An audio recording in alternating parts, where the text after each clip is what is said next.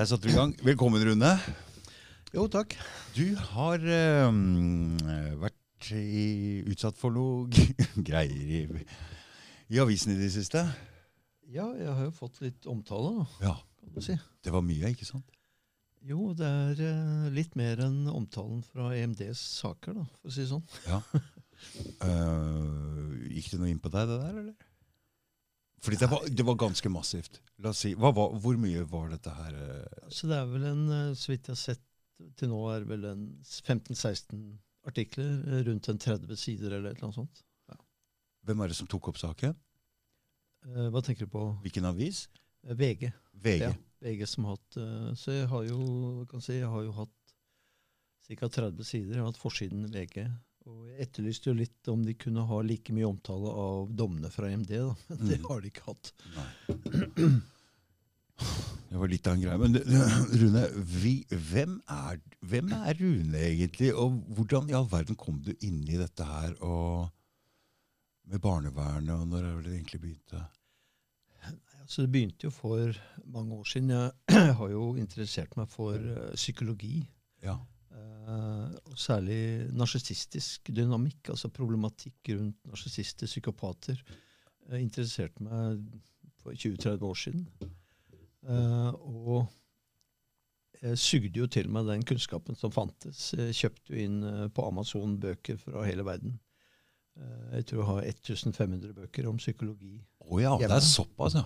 og eh, fordi jeg skjønte fort at skolene her i Norge de har ikke det kunnskapsnivået som uh, av hva som fins av kunnskap. De kan mye om psykologi og sånn, men altså spesialkunnskap på personlighetsfungering, det interesserte meg. hvordan, altså Det gikk helt så langt at hvordan er det cellene, nervecellene kommuniserer? Hva påvirker de? Hva skader de? Helt nedpå der for å forstå hva narsissistisk dynamikk er. Altså, det handler jo egentlig om vår opplevelse av oss selv og sårbarheten rundt, rundt det. Mm. Og jeg tror nok, når du da møter 30 sider, det jeg kaller en drittpakke i VG, Mm. så er det klart eh, Vi så jo hvordan Tønne håndterte det. ikke sant? Mm. Han gikk ut og i hvert fall offisielt skjøt seg i huet. Mm. Eh, jeg er litt annerledes skrudd sammen pga. antagelig kunnskapen jeg har om psykologi. fordi jeg alltid når jeg får et, si, en, et emosjonelt press, når jeg merker at oi, dette reagerer jeg på, Mm. så går jeg inn i en sånn analyserende prosess. Hva er dette her? Mm, Stemmer nå dette her? Hvorfor reagerer jeg sånn som jeg gjør? Jeg begynner å analysere meg selv. Og det har nok ført til at jeg gjennomskuer prosessen eh, VG har satt i gang, hvis du nevner den spesifikt. Mm. Fordi den handler jo om et karakterdrap. Eh, Hvis de hadde stilt samme spørsmål som deg, hvem er du, Rune Fardal? Mm. Så hadde de jo ja, de hadde tatt med alt negativt som de har gjort, men så hadde de også tatt med balansen, slik Vær varsom-plakaten sier at det skal være et balansert bilde. ikke sant? Men de har jo aldri spurt meg ja, hva jobber du med, hvordan jobber du? Hvorfor er det så mange foreldre som tar kontakt med deg? Mm. Hvorfor er det mange barn fra institusjoner som ringer deg? Eh, Hvorfor er det så mange som ønsker informasjon om det de opplever at jeg driver med? Mm. Og da er vi plutselig ikke fullt så svart-hvitt bilde lenger. Da kommer alle gråtonene inn, og da må man egentlig ha en dypere forståelse av psykologien bak disse hva skal jeg si, foreldrene, barna, deres møte med de offentlige, offentlige etatene, barnevern, alt dette her. Det må man faktisk ha en kunnskap om. Hvor, hvorfor reagerer folk som de gjør? Eh, Jeg møter jo ofte foreldre. ikke sant? De går jo veldig i forsvar eh, for de påstandene de kjenner seg ikke igjen i. Eh, Det kan alltid være si, spor av påstander i det, men jeg merker veldig ofte så er det veldig en ensidig argumentasjon. Og du er sånn fordi de har noen sagt at du er, liksom. Så er det ingen som går inn og spør hvordan er du egentlig. Mm. Så det er det samme, samme som du møter her nå, ikke sant? Ja, altså, Du spurte hvem er du, Rune Fardal. Mm. Ja, altså, Jeg er sikkert en veldig kompleks fyr.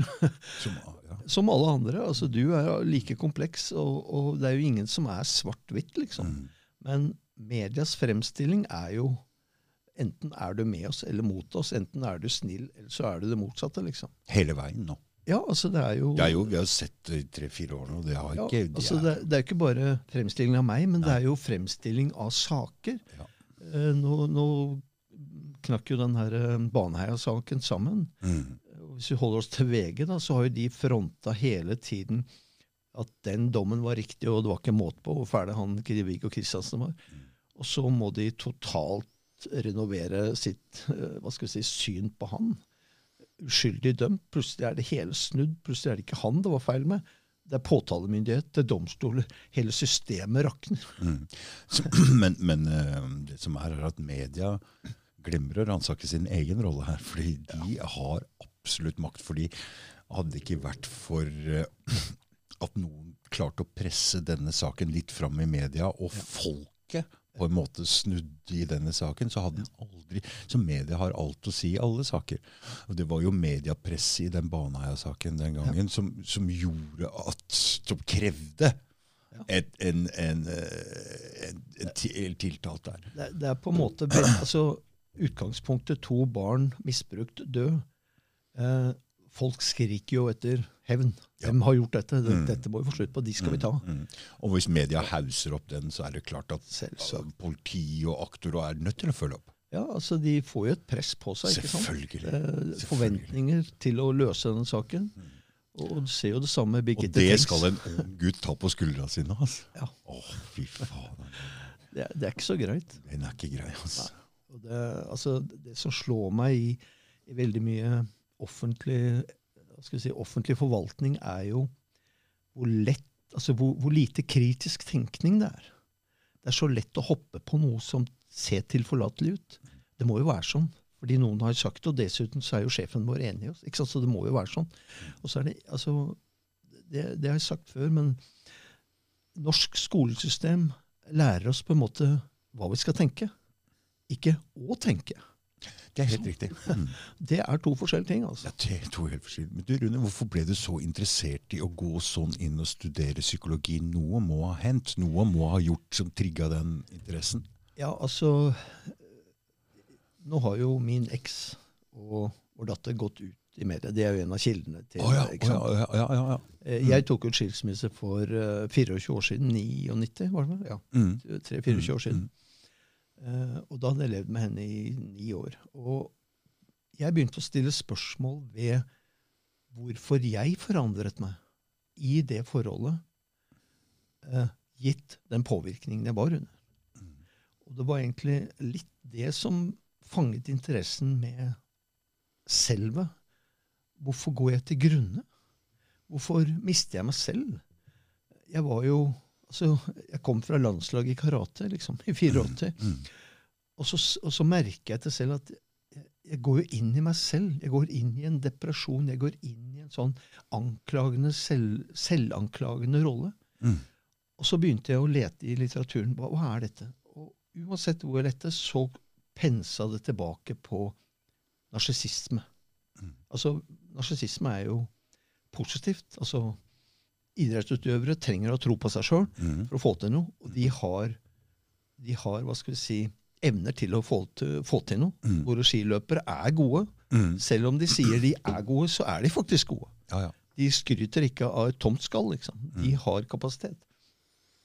Og så har du den falske narsissismen, hvor jeg er verdensmester, og så er det Så egentlig er det så er det havari inni huet på de. ikke sant? Mm, Altså Det er den mm, falske, grandiose fasaden. Mm.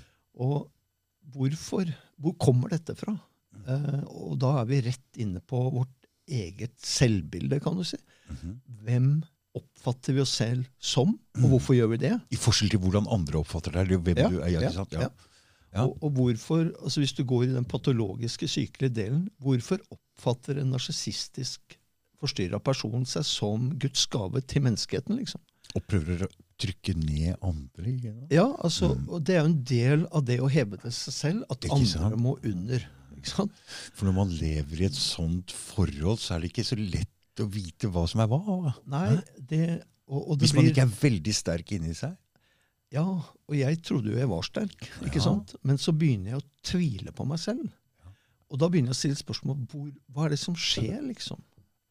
Og så har du jo to typer narsissister, hvis du skal kalle det det. Du har den vanlig grandiose 'her kommer jeg, jeg er verdensmester', som Det er lett å se kanskje på eller ligge ja, det. Det kan være litt sånn overflate Gucci og ha gullklokker og you name it. ikke sant? ja, ja. Og så har du den covert-narsissisten som ikke investerer i seg selv fordi de har så dårlig selvbilde, men de investerer i en partner som de nå lever i lyset av. Ok. Ikke sant? Og det er klart eh, Når du kommer i en sånn setting, og den partneren du idealiserer, går, da rakner hele verden for deg. Og det var jo i en sånn dynamikk jeg følte at jeg var i. At hun idealiserte meg. Det gikk bra på jobben, vi bodde greit og fint. Og hun skrøt til venninne 'kom hjem og se hvor fint vi har det', liksom. Og så går jeg, når jeg finner ut hva dette er. Og det blir jo da en krenkelse. ok. Og så ruller denne mølla. Mm. Fordi da kommer hat, da kommer ønsket om hevn for tapet av det grandiose livet man trodde man hadde. liksom. Og det er kanskje helt tilbake der man må gå for å finne ut hva skal jeg si, Hvor lenge siden er dette? Det var jo Du sa fire Jeg, jeg tok ut skilsmisse i 98-99 rundt der, så det er ganske lenge siden. mm. Men, men det er klart og så dukker da denne jenta opp. Altså Da, da var det drøss med rettssaker hvor jeg prøvde å opprettholde samvær. Mm. Uh, og så ga jeg opp til slutt i 2012 og sa til dommeren nå orker jeg ikke mer. Nå skjønner jeg hvorfor dette er sårt for deg, fordi de har tatt opp den greia også i VG. Ja, altså, Det skjønner jeg. Det her er eh, Men, men det, her kommer dette inn igjen. Du antar at dette er sårt for meg. Eh, Men- ja, jeg gjør det, fordi når man begynner å gå inn på barn og, gå inn, i, Ja. inn bak dine lukkede dører, altså inn i familielivet ditt og dra fram grums derfra, så, Ja. så, Men, så men- merker jeg jo at stemningen eller, Ja, altså du, du ba meg forklare litt tilbake i tid. Hvor kommer Ja. dette fra? Og jeg, jeg har egentlig ikke tenkt så mye på det, men jeg antar at noe av dette kommer derfra. Men jeg har jo alltid vært interessert i vitenskap, kan du si. Mm. Og spesielt det, det, det mest interessante er jo å gå inn i dybden og prøve å forstå seg selv og prøve å forstå Absolutt. dynamikken i et forhold. og hva er det, det er jo det mest spennende området som kanskje ikke er, som er veldig vanskelig egentlig å Altså gå inn i. Det, oftest er det vanskelig å finne ut dine, altså, å, å bearbeide dine egne negative Klart. sider. ikke sant? Hvordan skal du håndtere det på en måte? Men, men jeg, jeg føler på en måte at gjennom alle disse årene, så mye studier jeg har gjort, eh, selvstudium for det meste, for dette er ikke ting du, du lærer på universitetet, for å si det sånn. Der lærer du grunnkunnskap. Mm. Eh, Skal du ha spesialkunnskap, så må du lete i spesiallitteratur, i tidsskrifter og mye rart. Men når du til slutt skjønner den sammenhengen, så blir du heller ikke påvirka av den samme kritikken på samme måte. Mm -hmm. Du går ikke i kjelleren, liksom. Mm. Du begynner å analysere. Mm, ok, jeg merker jeg reagerer sånn nå. Jeg forstår reaksjonen. -hmm. Jeg behøver egentlig ikke å knekke sammen. Mm. Eh, fordi at jeg har en kognitiv forståelse, Mm. og den henger sammen med den emosjonelle. Mm. Slik at når jeg forstår det kognitivt, ja, så styrer det også hvordan jeg emosjonelt reagerer. Det skjønner jeg, det, det forstår jeg. For hvis du sitter inne i følelsene dine Ja, og reagerer, så Nei, det nytter da, det, det nytter ikke. Så du må Ja. ta et skritt tilbake og se, se på Rune nå. Olav, hvorfor så, Ja, ja. altså, Det er den eneste måten å ja, altså, hvor, hvor, altså, du kan jo si hvorfor har ikke Rune Fardal tatt med seg tau og gått opp i skauen og hengt seg, liksom? Mm. Og hvorfor kjører han bare For tvert det- Rune, Rune, Rune har en eh, jobb å gjøre, og Rune har folk som trenger den. Ja. Det er vel det. Det, det har jeg nok merket. Og det er veldig, altså daglig så får jeg telefoner fra for folk som da ser hva, hva VG har drevet med. Mm. Eh, og de sier dette tror vi ikke noe på.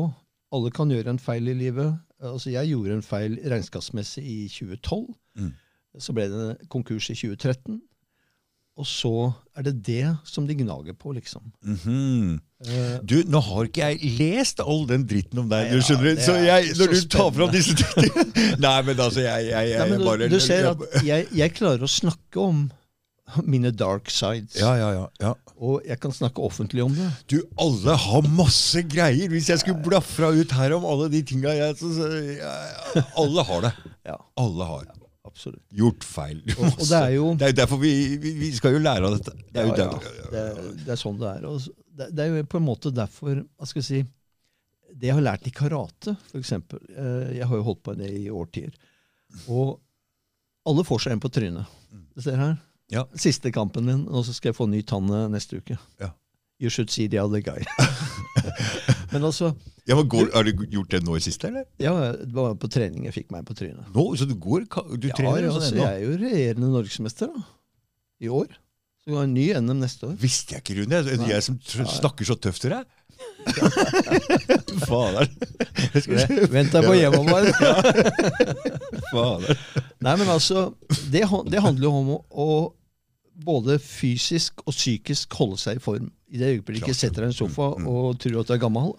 Dream on, liksom. Jeg, jeg, det der det var jeg jo helt enig med deg. Jeg har jo en fysisk jobb, og jeg går og trener.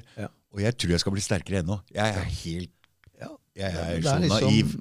Al alder er et tall det sitter oppi her, Liksom. Ja, og fysisk og psykisk, det henger sammen. Ja, Det er deg begge to, så du Det kan bare glemme at det er to atskilte ting. To, to sider av samme sak. det. Ja, det er det faktisk. Innapå og ut, utapå og inni. Det er Det, nei, det er helt sikkert. Så, men det er liksom du kan si, altså, Poenget jeg vil fram til, du får deg en på trynet, så går du ned, og så, og så er jeg litt sånn hm, Ok. Så spretter du opp igjen. mm. Og i, i karatefilosofi så er det jo ikke det å bli slått ut som liksom er tingen. Det er hvor fort reiser du deg opp igjen. Ja, for det karate Da- er ikke bare slåssing, det. For Nei, det er altså, martial art, det er og det ligger en art, filosofi bak her også. Absolutt. altså. Og, og jeg kan jo dra en, en kort historie fra, fra en eh, kjent eh, japansk karatemaster som ble utfordra liksom, på 1800-tallet. Mm. Så var det en sånn ung jypling. ikke sant? Og her kommer jeg, jeg skal banke opp deg, liksom. Og greier. Mm. Og så, fikk, ja, så møttes vi på stranda der klokka fire i ettermiddag. da. Ja da, Og han var jo der tre timer før han der uh, unge jyplingen. ikke sant? Mens hva gjorde han eh, masteren? Jo, han satt hjemme og dyrka grønnsakene og ordna i bedet sitt. Så ble det klokka fire, og så ble det klokka fem, og han nede på stranda var jo tør han ikke komme, liksom. Hadde jo fyra opp og hele greia. Og så tusler han masteren ned. Og da var kampen over. Fordi når de da satte i gang, så var han så mye adrenalin og gira, han der jyplingen. Mm. Så det var bare to kjappe, og så var det over, liksom. Det er litt interessant at du sier det der, for det nå har jeg sittet opp, For jeg har hørt Ok, så hvis vi tar bort alt foran noe skjer, Ja. all gruing, all gleding, som er nesten 90 av Så hvis du tar bare den lille vondten du skal få, Ja. så er det ikke så mye igjen. Og det er egentlig en slags livsfilosofi å ikke tenke på ting så veldig mye på forhånd. Du skal grue deg, og sånn, for det, da kan du minimere. Så, ok, Så jeg har slutta å snuse nå. Ja. Jeg har eh, 17 dager av. Veit du hvordan jeg gjorde det? Nei. Jeg sa jeg skal bare slutte, så tenkte jeg ikke noe mer på det. Ja. Og så bare tok jeg et lite vindu og opportunity, og så gjorde jeg det. Jeg tenkte ikke på det noe på forhånd. Ja. Jeg visste jeg bare sa at ok, Ja. og så, så var det ingenting. Ja. Det er ikke noe vanskelig! Altså, Jo, da, Ja. Fordi det er det før Mm. greiene som det, er- det er jo som med depresjon. Den kommer jo ikke der. Nei. Det bygger seg opp noe, Ja. og så går du ned. Ja. Samme med angst. Du får ikke plutselig angst. ikke sant? Nei. Det er et eller annet som du går og gnager på i huet, Mm. som bygger seg opp. Ja. Og hvis man kan hva skal jeg si, ta kontroll på veien, mm. og til slutt så ender du opp sånn som jeg opplever, liksom. Eh, når døden ikke blir noe du er redd for, Ja, hvor er du, hvor er du sårbar enn da? mm. Det er helt Altså, De kan ta fra deg materielle ting, de kan ødelegge familien din Mm. og whatever, sånn som VG nå har gjort. mm. Men kan de ta fra deg deg selv? Mm. Nei. Og når du har, sånn som jeg opplever Men du En- trenger også, De tok fra deg familien, men, men, men man, et eller annet sted så trenger man jo støtte. Man Ja, kan ikke altså- stå Man må ha noe Eller trenger man ikke? Jo, nei, altså uh, Hva skal jeg si Hvis det er en positiv energi som kommer, så er det ti telefoner om dagen. Ja. Stå på, Fardal. Vi Ja, er med deg. Vi er helt det, enige med deg. Sant, det trenger Ikke man. sant? Og så skjønner man at du jobber for noe som er større enn deg sjøl. Mm, mm. Fordi jeg har vært i møte med barnevernet og så fått henlagt saken. Noen ganger tok det ti minutter, så var den henlagt. Mm. Og så kommer jeg ut, og så kaster mor seg om halsen min og strigråter og takker sant? meg. ikke sant? Ja. Da er det noe som treffer deg. Ja. Og det er enorm energi, altså. Mm. Som jeg tar med meg. Mm. Nå skal jeg hjelpe nestemann. Mm. Ikke sant? Mm. For Ja. Rune, eh, det å være mann, å kunne gi og hjelpe noen, Ja. det må være det beste som fins? Ja, altså, Er det noe som er, mer, som kan- er bedre enn det? jeg kobler ikke akkurat kjønn og hjelp, men jeg kobler hjelp. For alle kan jo hjelpe egentlig på samme måte. Ja, men jeg tenker en mann er jo en slags Fordi jeg tenker sånn, fordi en mann er en giver.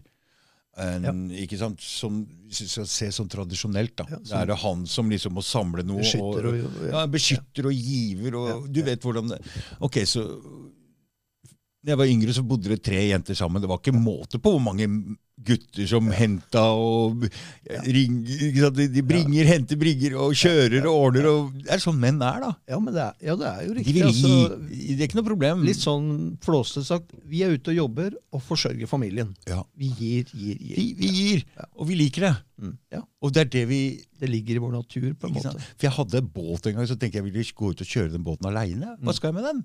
Ja. Jeg vil jo ha med meg noen ut for å gi den det en opplevelse. For meg aleine er det ikke noe ja. Ja. Så det å, Jeg har skjønt at den beste form for egoisme er å gi. For da, Ja, får, for da får du tilbake det du egentlig vil ha. Ja, altså, Respekt og, og kanskje en form for jeg vet ikke, anerkjennelse, eller hva, hva, hva vi er jeg, ute jeg, etter. merker jo, jeg merker jo det på eh, de jeg hjelper, hvor vi får løsninger. Så merker jeg jo at eh, den takken jeg får, gir jo veldig energi til å hva skal vi si, Gjør det videre. Jeg omgjør det til mer energi. Hjelpe nestemann. Jeg tar med meg erfaringene mine. Mm. Og som vi nevnte litt før her, eh, før vi begynte å, å sende, holdt jeg på å si, så er det jo at jeg sitter jo på enorm kunnskap og erfaring Mm. fra hundrevis av møter med barnevern over hele landet. Ingen utlandet. andre sitter med så mye erfaring som Nei. det du har. Det er jo Bare ta sånn som jurister og advokater Ja, fungerer. da. De spesialiserer seg. De, altså Ja. de, de eneste de lærer på jusstudiet, er jo egentlig bare å slå opp i den boka der. Ja. Og så spesialiserer de seg. Mm. Og du har nå, etter så mye erfaring her, så er du en spesialist på det området der som ingen andre i hele Norge. Ja, altså, jeg, jeg tror jeg Jeg har ikke noe akademisk tittel som eh, advokat eller psykolog, men jeg føler at jeg har noe helt annet. Jeg har Og det- er feedbacken som forteller meg Jeg har en kommunikasjonsevne mot uh, hva skal jeg si, foreldre som de suger til seg. Mm. Uh, Og det, det handler ikke om at jeg manipulerer dem, han- Det handler om at jeg viser dem respekt og forståelse. Mm, mm, mm. Nei, men jeg merka det med en gang jeg begynte å snakke med deg i bilen. Ja. du, har, du har noe. Altså, jeg, har vel det som kalles empati, evnen til å sette seg inn i den andre situasjonen uten å fordømme den personen. Mm, mm. Fordi hvem er jeg til å fordømme noen? Altså, jeg, jeg kommer jo inn i fryktelig mange hjem, og jeg må innrømme noen steder jeg kommer inn, så, så tenker jeg sånn ville nok ikke jeg hatt det hjemme. Mm. Men hvem er jeg til å avgjøre deres liv? Det er Liksom? helt riktig. Ja. Og det, nå er vi inne på noe vesentlig i samfunnet i dag. For det, det jeg driver med her, er Rune som en tidligere kriminell og Ja, ja, ja. narkoman og alt mulig sånn, og har inn her folk som prater med alt mulig, professor og alt mulig, som sier her er det Vi er alle vi er alle mennesker, og vi kan snakke sammen alle sammen. Her er ikke noe dømming. eller Nei, nei, nei. De beste folka de holder seg unna det der. Det er jo litt det jeg merker der hvor det er høy konflikt i barnevernssaker, f.eks. Det er når vi møter ansatte i barnevernet som ikke klarer å hva skal vi si, ta imot foreldrene på deres eh, vilkår. Mm. Altså, Det kommer foreldre, de er redde, de har angst. Hva skjer? Mister vi barna? Hva skjer?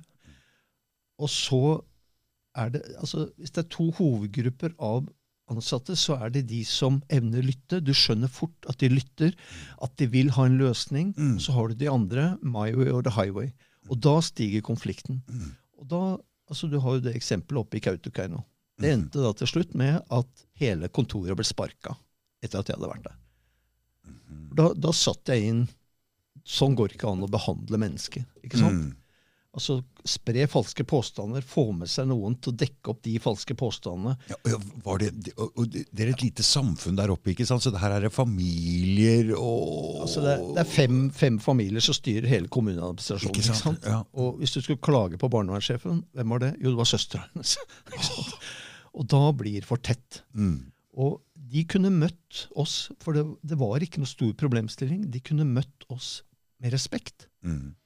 Og med en gang du møter mennesker som respekterer Mm. altså, Det er Du bør ikke være enig, men respekter den andre for det den legger fram. Mm.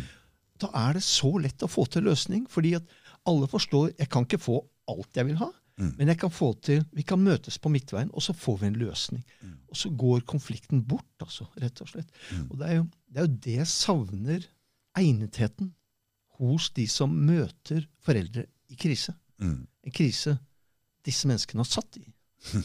Det er makt, altså. De sitter med makt, ja. Barnevernet sitter med makt. Jeg sitter og prater om det akkurat. Altså, det er, eh, politiet har ikke sånn makt Nei. som disse. Fordi ikke. politiet kan kun sette meg i fengsel. Ja.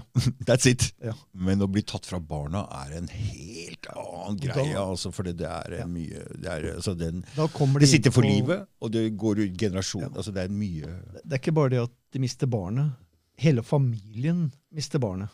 Ja. Storfamilien. Og det, Den vil aldri gå bort. Nei, den vil ikke gå bort. Og Det- jeg hadde et eksempel, eh, eksempel her nå hvor, hvor altså et barnevern i nærheten av Oslo her eh, gikk inn og sa eh, vi tar akuttvedtak. Så ble mor og barn flyttet på krisesenter. Og, så, og, og da satt mor hos eh, barnevernet mens de da sa dette.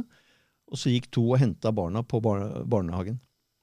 Og det må, da måtte de eh, sende alt tilbake igjen en uke senere. Og det viser seg at de hadde ikke eh, noe vedtak på akutt. Eh, I ettertid så sier de nei, vi, vi bare ville jo informere deg at det var en mulighet at du kunne dra på krisesenter. liksom. Rune, hva er et akuttvedtak? Altså, Akuttvedtak, da skal det stå om livet. Men hva, er, hva skjer? Hva skjer? Bare Ja, altså, hvis barnevernet går inn akutt, så mm. går de og henter barn ut av en situasjon hvor det er akutt. In, ja, en Ja, altså, la, akutt la oss si uh, to barn er hjemme med tungt narkomane som ligger i rus. Ja. Da er det akutt. Få de barna vekk derfra. Ja. For da kan ikke barna klare seg selv. Nei, nei. Og jo mindre de er, jo verre er det. Rett inn på et slags sånn lite midlertidig Ja, Da må de flyttes til et beredskapshjem eller et eller annet. Ja, for da står det om livet. Altså det er fare for barna. Ja, ikke sant? Ja. Mm. Eh, Men så har du misbruk av dette akuttinstituttet. Sånn som her, f.eks., hvor de påsto akutt. Og så spør vi ja, kunne du få den eh, vedtaket. Eh, fordi jo, de har jo da 48 timer på seg til å gå i fylkesnemnda og få stadfesta det vedtaket. Nei, okay, de hadde så ikke de, de fatta kan, noe vedtak. Så greier sånn, de, de kan skrive det akuttvedtaket, barna går ut, så må de sende det til noen som, Så må de i fylkesnemnda for å få godkjent. For å få godkjent det, ikke sant? Ja. Så etter 48 timer, hvis de ikke får godkjent, så må barna tilbake Da må igjen. de tilbake igjen, ja. Mm. Men når du da bruker det uten å fatte vedtak om akutt, Mm. altså lyver til foreldrene for å manipulere situasjonen til egen fordel, da begynner det å bli lovløse tilstander. Og, og det er jo, Hvorfor gjorde de det i denne hva, hva liksom så, i, I denne saken så handlet det om at onsdag akuttvedtak splitte mor og far. mm. Fordi fredag så skulle begge foreldrene inn i politiavhør etter en påstand fra barnevernet. Men hvorfor Og- splitter det mor og Jo, så ikke de skulle snakke sammen. Så akuttvedtaket gjaldt mor og barn? Ja, så flytte mor og barn vekk fra far. Så ikke mor og far kunne snakke sammen før de skulle i avhør. Kom innkallelsen til avhør den samme dagen som de ble Eller visste de om det på forhånd? Altså, De visste det på forhånd, Ja. men de ville blokkere muligheten for at de snakket sammen den dagen de skulle i avhør. Og med en gang av, avhøret var på en fredag, mandag morgen Ja, du kan bare dra hjem fra krisesenteret, liksom. Og så spør vi ja, hvor er akuttvedtaket. Nei, vi fattet jo ikke noe akuttvedtak. Det var jo bare en oppfordring til å dra dit. Ok, Så de, de, de, de, de bruker Ok, det ligner litt på hvordan de gjør noen ganger når de putter folk inn i s- i en glattcelle på en fredag, ja, ikke sant? og så sier de Så går du, helga. ja, så går helga, ikke sant? Så sier de nei, vi, vi, vi gidder ikke å søke om å få varetektsfengsla likevel, men vær så god, her eh, du kan bare dra hjem. Og det er klart, når du møter den type folk, og den type holdninger til andre mennesker Mm. Altså, de bryter loven en masse, ikke sant? Mm. Og så, er de, og så har de en sånn grandios fasade at nei, det er vi som bestemmer. Mm. Nei, de gjør ikke det. De skal følge loven. Mm. Og det er klart, når jeg møter sånne, så kan jeg loven. Jeg kan premissene fra EMD, Mm. og jeg spør har du oppfylt dette. Ja, nei, vi bryr oss ikke om EMD har vi. Når du får de svarene, så skjønner du at du har med folk som har altfor stort ego i forhold til makt. Og det, at det er altså my way or the highway-folk. Mm. Og det er, det er der problemet i barnevernet ligger. At de ikke har hva skal vi si, et filter å ansette folk som har egnethet.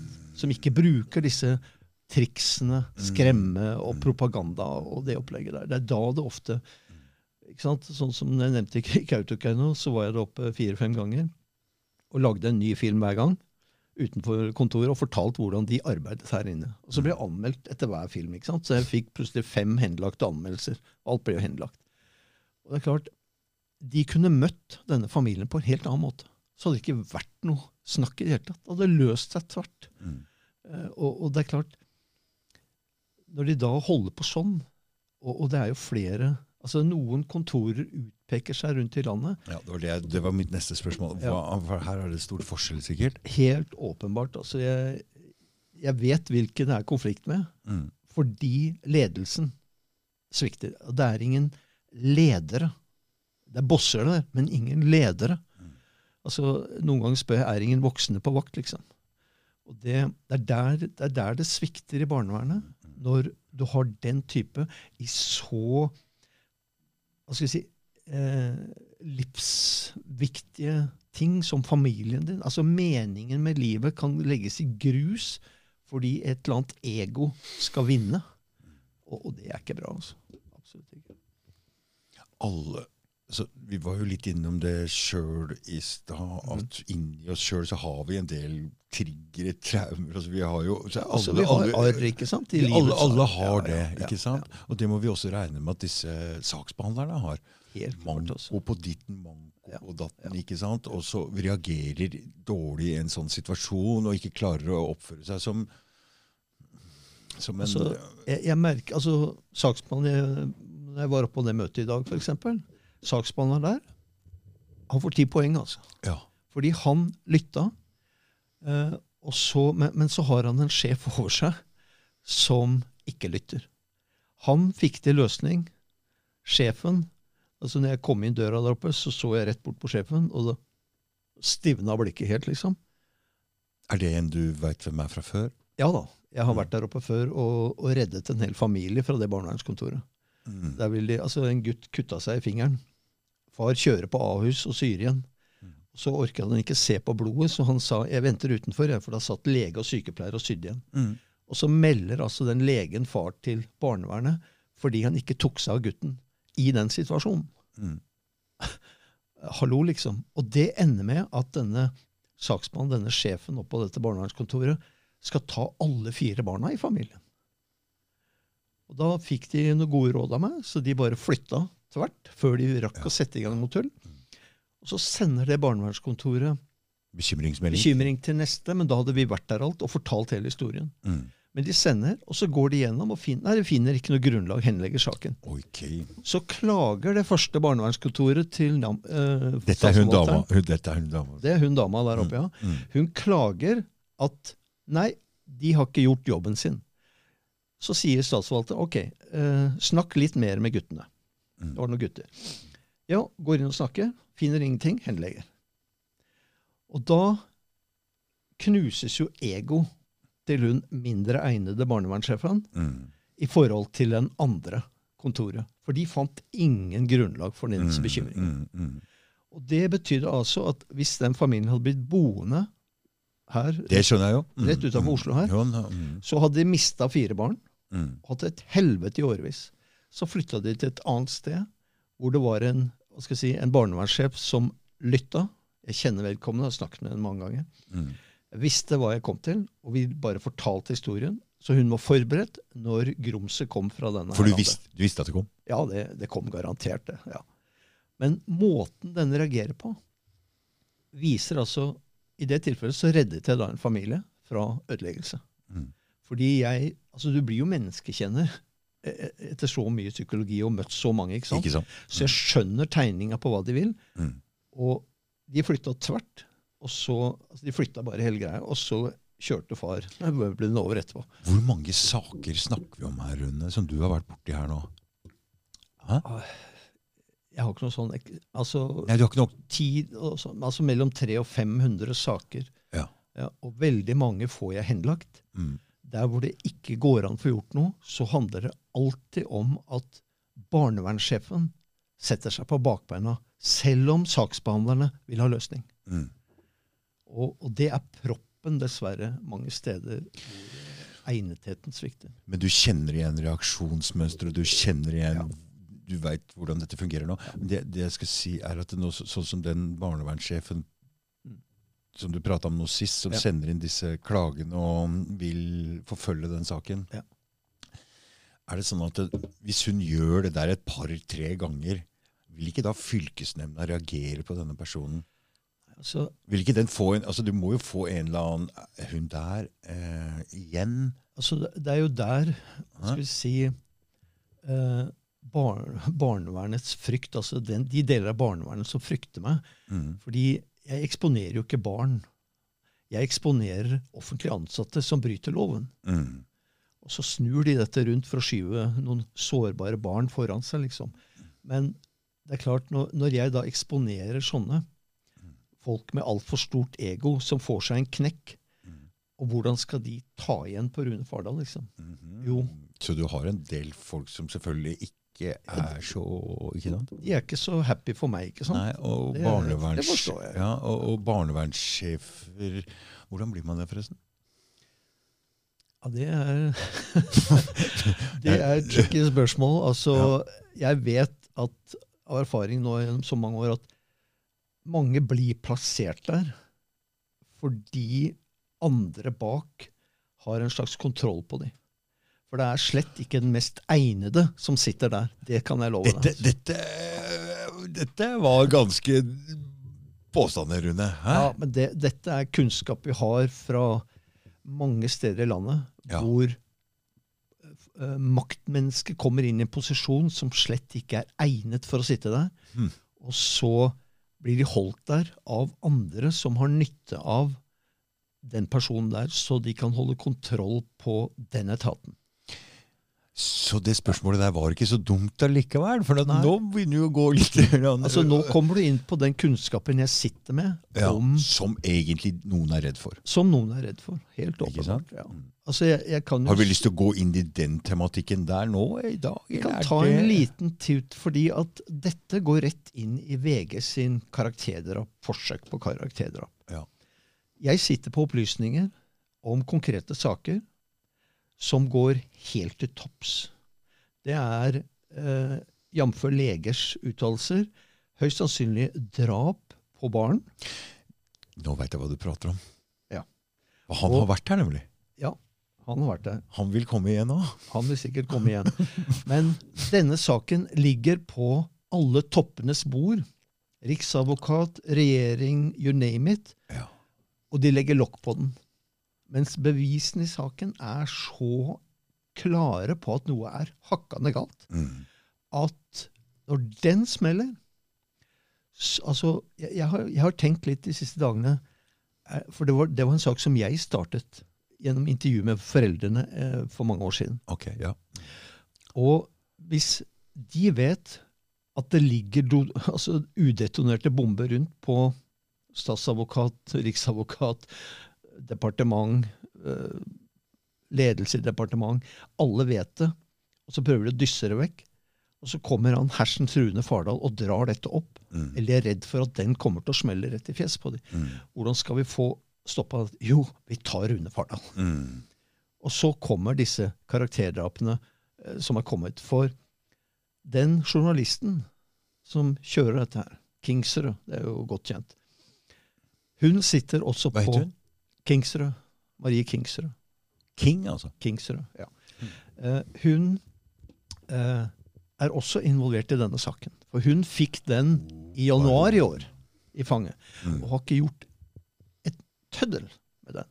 Der kunne hun virkelig gjort en skupris, Men den har forgreninger ut til så høytstående personer at hun antagelig ikke får lov til å ta inn engang. Du, du nevner ingenting her nå, men det vi egentlig prater om, er nå For, nå begynner, for det, ok, Så jeg hadde jo mm, Gro Hillestad Tune her inne, og hun nevnte noen summer, hvor mye penger som egentlig går med i barnevernet hvert år. Og det er mange, mange Jeg husker ikke tallet, men det er mange milliarder. Og her har vi altså Det du tror jeg vi prater om her, er institusjoner som har ganske store sugerør inn i, inn i, i der. Og at det fins mennesker med aksjeposter inne i disse institusjonene som sitter høyt på strå. Det er det du egentlig De sitter veldig høyt. Det er det du er inne og snakker om her nå, hvis jeg forstår det riktig? Ja, og det er- Og- ikke sant? Og ja, og ja, beløp, ja, ja, så, så er de høye, altså. ja. For her, er, her snakker vi om eh, milliarder i Altså 40-50 milliarder og mer. Og så pluss alle støttefunksjonene. Alle disse med sugerør inn i dette her. Ikke sant? Altså, jeg, jeg Det er jo, altså du, Ikke sant? Nå her, her er vi inne på Mm. makten bak makten. Ja. Og den fins. Det er ikke noe Den sånn fins, Nei, nei, nei, nei, det er klart det. Og de som, altså, Jeg har jo fått sparket barnevernssjefer, og så dukker de opp med egne firmaer og selger tjenester inn til det samme barnevernet. Ikke sant? Mm. Og det er klart Så det å si at barn er big business i Norge, det er ikke feil. nei, Det er antagelig en av de største businessene i Norge. Altså Olje kanskje og fisk å gå utenom, men okay. Men barn- okay, okay. altså, barn er råstoff i denne industri- industrien. Ta fra oppdretterne laksen. Mm. Hvor mye blir igjen da? liksom? Mm. Det er akkurat det samme. Og så lemfeldig de bruker dette i, i media, hva? Hæ? Altså, me media dekker bare over. så så stor makt med en sånn eh, Ja. Useriøs blekke som VG er. Ja, Som bare trykker sladder og dritt og eh, propaganda, krigspropaganda og annen propaganda som vi har vært utsatt for. altså- vi, er enige der. Vi, det, er, det er jo her vi kommer inn på det jeg nevnte først. Folk må lære å tenke mm, kritisk. mm, Stille. Er det sant, det som VG skriver? ja, ja, ja. Altså, Alt de skrev om Baneheia, var jo løgn. Mm, nei, altså, Ikke sant? Ja, ja. Og, og er det sant, det de skriver om Rune Fardal? er, altså Det har fremdeles stor makt. øh, og Dette her handler om Hvis, vi- hvis vi skal gå inn på det, da, altså folk prater om det Mm. Han er våken, eller hun er våken, eller hva Det er rett og slett prøve å argumentere imot, prøve å, se Ikke bare svelg alt ukritisk. Nei. Det er det det handler om. Ja. Altså, folk må, folk må begynne å våkne. Altså, Nå har vi hatt pandemien. Mm. Media var på. Også de som ikke tar sprøyta, er landsforrædere, liksom. Og hva, hvor er vi nå? Nå rakner det altså den, Mm. Det, ra- det rakner, Det rakner men det hele står ingenting i media om det. Nei, fordi da må du innrømme at de har gjort feil. Ja. Og, og da har du dette ego. Og da er vi rett tilbake i den narsissistiske sårbarheten. skal, liksom. Så vi skal være glad for at folk har såpass korttidshukommelse. Hæ? Fy fader. Hæ? jeg, jeg tror, For de, Ja. fader, de slipper unna å svare for noen ting! ja, altså folk, folk har nok med seg selv i sin hverdag. Ja. Det er ikke alle som kan reise land og strand rundt og nei. bistå. Men kunnskapen jeg får, viser jo at det er strukturfeil i dette systemet. Mm. For det er og det må jeg si, det er kjempemasse mennesker som gjør en knakende jobb. Jeg snakket med en saksbehandler i dag. Helt ypperlig. Men så har han føringer ovenfra som gjør at han får ikke løst det fort nok. Mm. Og så må han nærmest gjøre en balansegang for å få til en løsning. Og vi, vi trenger sånne saksbehandlere, men vi trenger ikke sjefen hans. Nei. For hun ødelegger for løsning for barn og familie. Mm. Og det ender vel med at han eh, til slutt ikke orker å ha den jobben lenger. Ja, altså, Så er han ute. Det er, stort eh, frafall i barnevernet, og jeg skjønner jo at mange ikke orker å jobbe der når de ser hva slags dynamikk som egentlig skjer inne på de kontorene. Mm. Og Jeg kan nevne den saken hvor, hvor det var akuttvedtak nå, hvor barna da ble hentet av to fremmede på barnehagen. Hvordan gikk det med de barna? Jo, nå er de redd for å gå inn i biler. nå må de tilvennes. Altså, De har fått et traume. De ble henta av to fremmede, plassert i en bil og kjørt et sted. Mm. Og bare det kortet der, for der satt mor og ventet på krisesenteret. Men bare det kortet låser seg så fast i et lite barn. Vi snakker om barn på to år. Mm. Det låser seg så fast at frykten for tapsopplevelser, eh, hele den dynamikken, kommer inn. Og det er ikke gjort på en snap å få vekk den frykten. For det, mennesker er jo konstruert sånn at vi tar vare på det som Eller kunnskap om å overleve. Og hvis noen skal rive oss ut fra opphavet vårt, så er det en kunnskap vi må ta vare på. Den blir viktigere enn de positive hendelsene de små, for å overleve. de små de skjønner mye mer enn det vi tror. så Ja, De merker jo når de kommer til mor, de merker hele den dynamikken. De snapper opp ting som blir sagt. Dette her blir ikke borte sånn. Ikke sant? Der går det alt fra toneleie til mimikk og alt. Ja, ikke sant? jeg, jeg akkurat skjønt en sånn Sønnen min har en treåring, en tre og et halvt åring, så jeg, han, men bare for å, jeg skjønner reaksjonsmønsteret. Han, de, de, de, de prøver å De er med, Ja. og de prøver å hjelpe familien. Ja. Det er, fordi, og det er naturlig, for det, det er det viktigste så Når man vokser opp som et lite barn, så er det det viktigste du har. Så den prøver de å holde sammen. Ja. Og Altså det, er, det er jo primitive instinkter som gjør at du må ta vare på kunnskap som truer overlevelsen. Ikke sant? Mm. Og så er det traume å bli fjerna av to fremmede som setter seg. Og så kommer denne eh, hva skal vi si, opplevelsen av å gå inn i en bil igjen. Og så kommer minnet om det igjen, og så har Så ser du mors og fars reaksjonsmønstre i etterkant, og du vet at det er truende farer fra utkanten. Ja, ikke sant? Så det er De, de Er assosierer du? Er du- traume med en ny setting, mm, og så blir de redd for den nye settingen, selv om den i seg selv ikke er farlig. mm. Ikke sant? Og så har Og du De merker jo dynamikken her med mamma og pappa, Ja, ja. og hvordan de er redde, og hva de snakker om. og sånne ting, At det er en trussel inn mot familien. Ja. Det merker små barn. Det gjør de, altså det suger de til seg. Og det, det er her vi mangler personell i barnevern som forstår denne dynamikken, som ikke Mm. begår slike lovbrudd med å påstå For her må de være forsiktige. Ja, helt klart. Altså. Her må de være forsiktige. Ja. Det her må de vise ytterst forsiktighet. altså Sett det på spissen. En mor eller far klapser til et barn på hånda. Ikke gjør det. Ikke sant? Mm. Kontra flytte ut av familien, plasseres i fosterhjem hos vilt fremmede. Mm. en måned til nytt fosterhjem, til nytt par ganger. Hvor er skaden størst, Mm. egentlig? Mm. Nei, nei, nei. Altså Et barn som blir slått på hånda Ja, man skal ikke slå barn i det hele tatt, men når en forelder forklarer og jeg, 'Unnskyld, jeg skulle ikke knipsa deg på fingeren', eller hva det var, ikke sant? Mm. så forsvinner traumet. Men det de har gjort ved å rive dette barnet ut, Mm. denne bruddet på tilknytningen, Mm.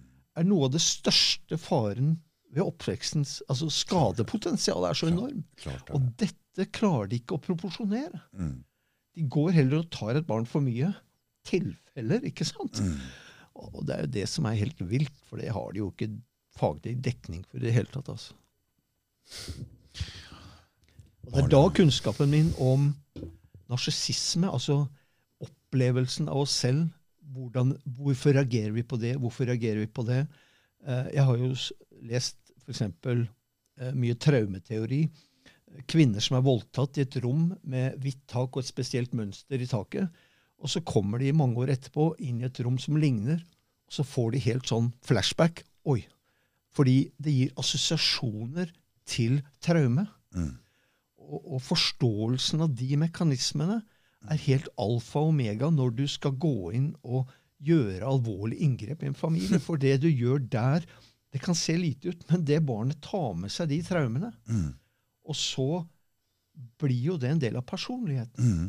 Og det er klart, det barnet går da og frykter alt som luktet på samme måte, som hadde samme lys, som hadde samme farger i rom. Alt det Det lagres. med det. Ja. Du, fordi jeg, var innom bare sånn liten digresjon her nå. Ja. At eh, vi var inne og snakka om noe som heter klikktrening med, med hunder. Ja. Det er jo det at de assosieres med noe med den lyden, med den klikkinga. Ja. Så vi, vi kan læres opp sånn, eller vi assosierer ting sånn med, med hendelser. Absolutt. Det var en liten Og, og, og, ja, men, men dette er automatisk læring. Altså, Du slår ikke opp i en bok, og sånn er det, liksom. Du lærer mens du går. Og, og de har jo altså Det du nevnte med klikk, de har jo eh, Nå kommer jeg ikke på akkurat ordet, men altså en russisk forsker som uh, forska på dette med at hunder begynte å utskille spytt når de hørte hundepasseren kom gående. Ja. Fordi de assosierte 'han kom' Med mat. med mat. Mm. Og så startet spyttproduksjonen. Ja. Og dette er automatiske prosesser. Ja. Ikke sant? Mm. Og det er klart, når du har kunnskap om sånne ting, så skjønner du så mye mer. Og du er mye mer ydmyk for andre menneskers liv og meninger og holdninger. liksom på en måte. Fordi vi er, bestemmer ikke alt her oppe sjøl. Vi Vi altså- er reaksjonsmønstre og instinkter. Og, Veldig mye og- ligger dypt nedi oss. Ikke sant? Ikke sant? Så hvis man skal få forandre på disse ting, så er det derfor vi må ha respekt for andre folk som har opplevd ting. Selvsagt. Ikke sant? Og, og, og der, og de sitter og dømmer mennesker som har vært utsatt for kanskje dårlige ting, som Mm. Ja. igjen vil forplante seg ned i som foreldre opp. Ja. Så de kan ikke skal, Hvordan kan man sitte og dømme Nei, Hvem er vi altså- som kan dømme andre, hvis vi skal ta det rett fra Bibelen? Og, og traumer kan gå i generasjoner, fordi nå sant? vet man ja, at det det. bestefars traumer kan forplante seg Altså Det er noen stoff som fester seg på DNA-molekylene, som blir med over, Mm. og som gjør hva skal vi si, eh, terskelen for reaksjon lavere på visse ting. Det, ja, det, dermed så kan du reagere egentlig fortere på noe som egentlig ikke er noe, men du, det kommer i arv, på en måte. Mm, men det, det satt jeg hadde en diskusjon. Jeg har en ganske interessant kar som jeg jobber sammen med. skjønner og Vi sitter og diskuterer hva er arv eller miljø. Ja. Arv eller genetikk, eller er det miljø? Fordi eh, dine foreldre er jo, hvis det går helt fra besteforeldre, er jo igjen prega av oppførselen deres. Ja. Så kanskje det bare er miljø, fordi de, man snapper som sagt opp veldig mye når man er barn, og suger det til seg. Ja. Så hvis foreldrene dine har opplevd noe, så vil jo de være sånn overfor deg. og Ja. Så, men, det er nok en kombinasjon, fordi gener starter ingenting av seg selv. Nei, Det kommer en, eh, hva skal jeg si, en impuls utenfra Mm. som genmaterialet ditt reagerer på, og så kommer det en reaksjon. Ja. Og dermed så vil jo miljøpåvirkningen ha avgjørelse altså på genene, avgjøre når og hvilke gener som reagerer. Og gener gjør bare én ting. De skaper proteiner. De skaper en atferd. Ja. Ikke sant? Og det er den dynamikken der man Mm. må forstå. fordi, og, altså jeg, jeg ser jo du ser jo hvis du går Og med, og med den forståelsen så kan vi ikke sitte og dømme mennesker. Nei, altså For verken det ene eller det andre. Hvilken rett har du til Hvilken å dømme rett? noen som helst? rett? Hva vet Mm. du om hvilken ballast den personen har med seg? Ikke sant? Og det er egentlig, så det er egentlig motsatt. Folk som har store atferdsproblemer, har kanskje vært utsatt for ting som, Ja. som gjør at de er sånn. Ja. Så de burde egentlig det, ses på på en annen måte. det, det er jo ikke alltid deres egen feil. Nei, Altså, det er ikke, det er ikke ta hun sørlandsjenta da, som uh, stakk ned disse her, var det i barnevernet, liksom, stakk hun ned en på Sørlandssenteret som døde. Jenta hadde vært flytta 60 ganger siste året. Hva gjør det med en person, liksom? mm. Og- det ser man med Altså, du har glassjenta. Ikke sant? Andre også. Tenne på institusjonen, brenner ned, svelger glass. Hva er det de prøver å fortelle? Hvem er det som lytter til det de forteller? Mm. 86 fagfolk i Glassenta-saken brøt loven. Mm. Ingen er ansvarliggjort. De bare jobber videre, de. Mens hun sitter igjen som ødelagt. Ingen bryr seg. Jeg, altså jeg har kontakt med moren hennes annenhver dag. Jeg får feedback hvordan hun kjemper for å Hva, gjorde hun? reparert. Hva gjorde hun? Hva gjorde hun? Glassjenta? jeg ikke Så helt- Glassjenta-saken det var en sak for noen år siden hvor hele Stortinget til slutt endte opp å sitte og, og diskutere. Mm. Fordi den var så tragisk. Det var en jente som ble tatt, og så fyra hun av pga. måten hun ble behandla på. Mm. Eh, brant ned institusjonen eh, ut på Øygarden. Svelget glass. Eh, altså utagerte skikkelig. Mm. Som en direkte følge av det hun ble utsatt for. Eh, hun er akkurat blitt myndig nå, så hun var vel 14-15, et eller annet sted rundt der. Mm. Og det er klart, og, og, og da, da ble det satt ned en gransking Mm. uh, av statsforvalteren i Vestland. Og en knusende dom over barnevernet. Mm. Skulle aldri vært tatt. Men Skulle aldri vært tatt engang. nei, nei, nei. Det, altså, det ble så knusende alt i den saken. Og den endte jo inn på Stortinget, hvor de sitter og diskuterer Glassjenta, at dette må vi ta lærdom av. Mm. Og så har de ikke lært null nada. For de fortsetter på samme måten i dag. Mm. Du ser jo, altså Det er ikke lenge siden en brant ned en institusjon. Hva er det som skjer på disse institusjonene? Og, og, og jeg må jo berømme um, Tonje i, i Stavanger, eh, så, Tonje Omdal, Mm. som er en menneskerettighetskjemper, og som går inn og snakker med disse ungdommene på institusjonene. Hvordan de har det. Altså, De viser de slagmerker, håndjernmerker. De viser vold. eh, De tar opp barn som tar livet av seg. Mm. Eh, og så er det hun de liksom skal gå etter, i stedet for å rydde opp. jeg sa det til Tonje når hun var her. Jeg, jeg husker jo Jeg var- Mm. jo ung. Jeg var jo veldig ung, og da, da, da, og da husker jeg voksne folk. Ja. De er man skeptiske mot. Så Tonje, som er såpass ung sjøl, er jo mye lettere for å få en ordentlig kontakt med barn. Sånn. kommer lettere inn. For jeg har, vært på, jeg har faktisk vært på en sånn barnehjem hvor jeg, eh, over, hvor jeg bodde noen måneder. Ja. Og da var det sånn De voksne fikk ikke vite noe, Rune. Nei, nei. Ok? Det var eh, Det er en indre justis der. ikke sant? de, de, Ja, det var bare sånn Ja. så Han ene gutten han var veldig redd for det skulle komme en fra skolen hans, en råd, råd, Rådgiver, ja. rådgiver, og hente den. Mm. Alle vi visste at han var redd fordi han var homo. Ja. Han var pedofil, han som kom. Ja. Tror du noen av de voksne fikk vite det? Nei. Nei. Nei. Hvorfor? Ja. Fordi de voksne får ikke vite noe. Nei. Så det var ikke noe sånn ikke si noen ting. Det var bare en Sånn var det. Voksne får ikke vite noe. Nei. Derfor jeg tenker Tonje, som er så ung, har en gyllen mulighet til å gå inn og få en slags ok, endelig en jeg kan forholde meg til som ikke er voksen. For voksne er farlige. Ja. De er myndigheter, de har myndighet, de har makt. Og det er klart, de, de barna har jo en relasjon til de voksne i barnevernet som har plassert de der. Og det blir jo en sånn antipati. Altså, Selvfølgelig, ikke sant? Og, selvfølgelig. og da mister jo De får tillit. ikke ja, de, det, Sånn er det bare. Kommer ikke inn på det i det hele Nei, tatt. nei, nei, jeg husker dette godt. Ja, ja, Voksne det- folk, de bare Nei takk. Du får bare Nei, det, Sett deg et annet sted. Men det er der igjen dette egnetheten og de som jobber der, Mm. de må forstå disse mekanismene. Ja. Og det er, det er jo her denne kunnskapen om narsissistisk sårbarhet Ja. Hva er det vi setter opp av fasade for å overleve i et miljø som påvirker oss? Mm. Og hvorfor gjør vi det? Har jeg egentlig behov for det? liksom? Altså Begynne å analysere seg selv uten å være redd for å møte fanden på veien, på en måte.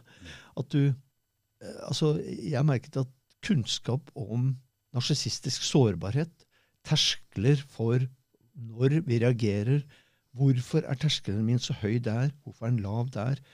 Eh, altså, du så jo han eh, som har den herre dags... Eller sånn eh, programmet i NRK, han kjente eh, programlederen som diskuterer Hva han heter han? eh, Oi, jeg veit Ja. Solvang? Solvang, ja. Ja. ja. Ikke sant? Um, du, du må ha liksom Hva skal vi si uh, Se hvem du snakker med.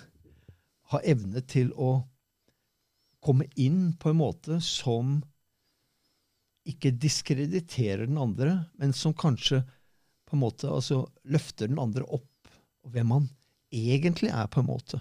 Ikke sant?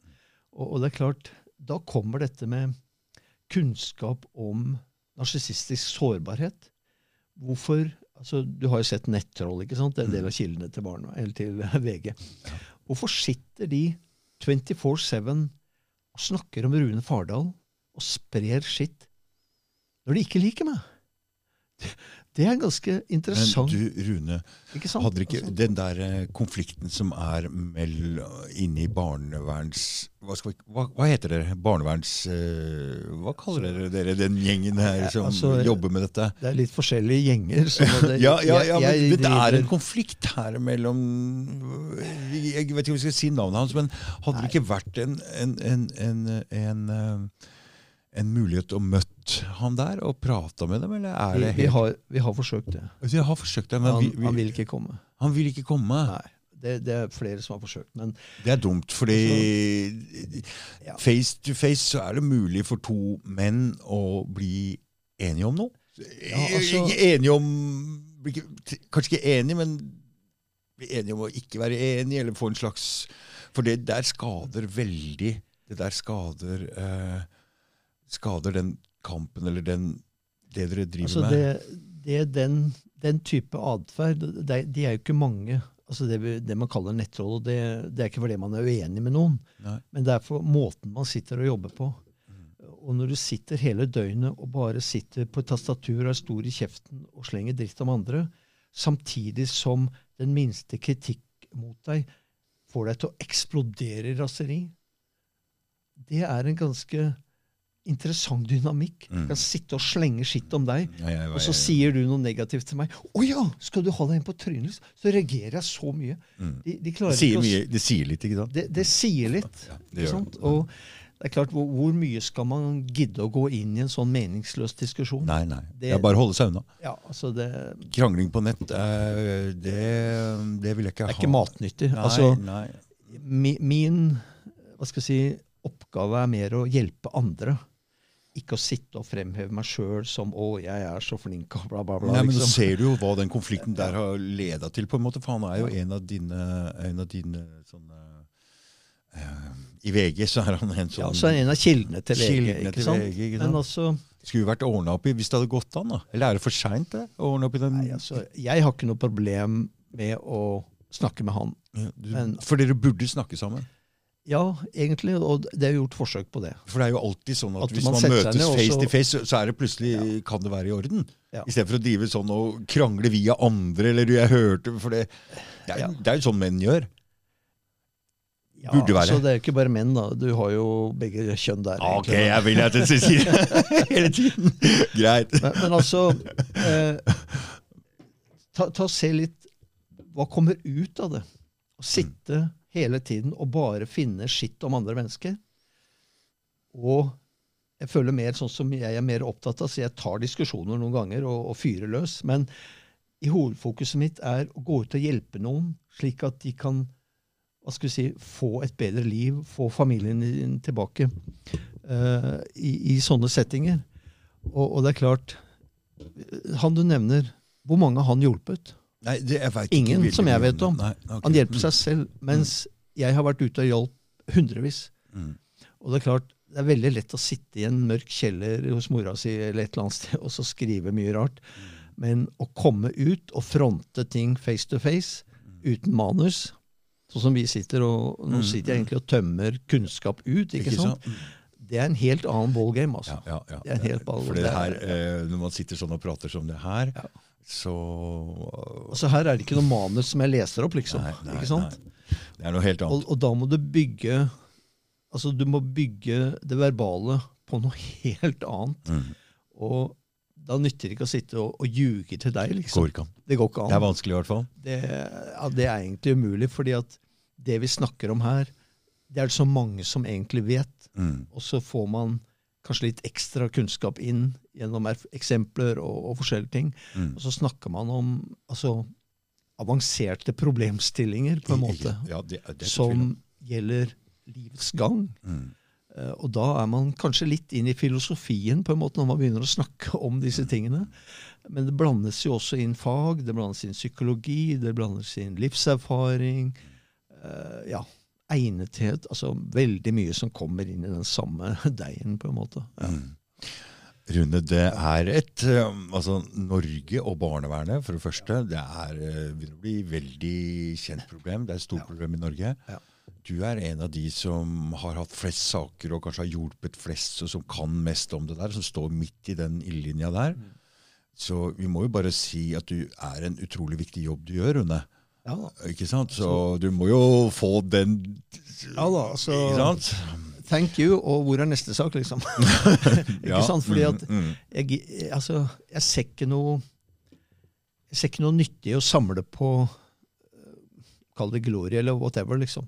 Nei, men du, man trenger det for å drive dette videre. Altså Det er en slags energi, for jeg ser at dette Det hjelper, energi. og så bruker jeg den energien til å hjelpe nestemann. på en måte. Det, ja, jeg- det, og det kjenner jeg jo litt gjennom. Hva er fordi La oss si at man får energi av å gjøre et eller annet. Ja. Det er å bidra med noe, hjelpe til med noe. Ja, Det kan man få energi av. Ja. Og det er jo det jeg på en måte føler at jeg drar litt i sjøl også. Når jeg drar i dette. For et eller annet sted må jeg finne den energien til å drive denne podkasten her. Ja. Og det tror jeg er at man liksom hjelper til å bidra med noe, lyse på ting som man syns er viktig, og så da, da får man energi til å drive løfter jo ting opp i debatten I- ikke sant? som kanskje flere har nytte av, Ja. og så vil de gjerne høre mer. Det er, det er den energien som jeg bruker til dette her, ikke noe annet. Så det er jo noe av det samme vi gjør. Absolutt. Og det er jo prøve å gi, faktisk å hjelpe til med noe. Okay. Ja, Mm. ja altså, og, og jeg har ofte tenkt som så, hvor, hvorfor kunne ikke de ansvarlige ledere Ta gjerne barneminister Toppe. Hun hører kritikken jeg kommer med, og mange andre kommer med. Jeg er jo ikke alene om å reise kritikk, for den ene rapporten etter den andre slak, slakter jo det systemet der. Hvis hun var en virkelig leder, så hadde hun tatt til opp telefonen. Rune Fardal, vi må ta et møte. Ta med deg dine bekjente, de som har kunnskap, og så tar vi et møte, for vi må få et bedre barnevern. Mm. Så bør vi ikke bli enige om alt, men vi kan begynne å snakke sammen. Nå har de liksom satt opp en sånn steil svart-hvit front. Nei, Rune Fardal, de der, de kan vi ikke snakke med, liksom. Er det blitt sånn nå? Ja, men altså, Det er jo det inntrykket de prøver å skape. ikke sant? Istedenfor å være leder og så OK, her har vi et problem, det må vi løse. Få inn de som sier noe motsatt av oss, og så prøve å snakke om dette her. Og så finner vi en løsning. For det er alltid en løsning. Og jeg, jeg tror nok mange av disse vil ha en løsning selv, men så er det jo veldig mange av disse kreftene bak makten bak makten som ikke vil rokke båten. Ikke sant? Og du kan jo se De fire siste barneministrene i opposisjon har vært veldig kritiske. og Når de kommer inn, så blir de stille som mus. liksom. Det er et eller annet som skjer i møte med byråkratiet, i møte med fagforeninger, i møte med makten bak makten. Og det er skremmende at det ikke kommer opp. Og man bør ikke dra den tenkningen veldig langt og skjønne hvem er det egentlig som har nytte av VGs karakterdrapforsøk på Rune Fardal. Hvem er det egentlig? Mm. Det er ikke VG. Nei. De er bare er- marionetter for noe annet. Og, og, og når man har levd noen liv i noen år her i Norge, så, så skjønner man at den makten man møter, det er jo ikke den egentlige makten. Jeg, jeg var jo i møte med barneminister Helleland. Det var ikke hun jeg skulle snakke med. Det var de to byråkratene ved siden av. Byråsjefen og en til. Det var de som avgjorde alt. Ikke hun. Fortell om dette her, Rune. Jeg skjønner ikke helt. Hva er disse byråkratene? og hva er... Jeg, jeg, jeg, Byråkrater er jo ansatte og ledelse i departementet. Og så skiftes ministeren ut ettersom politiske vinger blåser. ikke sant? Og så blir de plassert og skal liksom lede departementet. Men hvilken makt har de egentlig til å få politikken sin ut? Hva er det de møter internt av motstand, motvilje? Hvem har valgt departementsråden?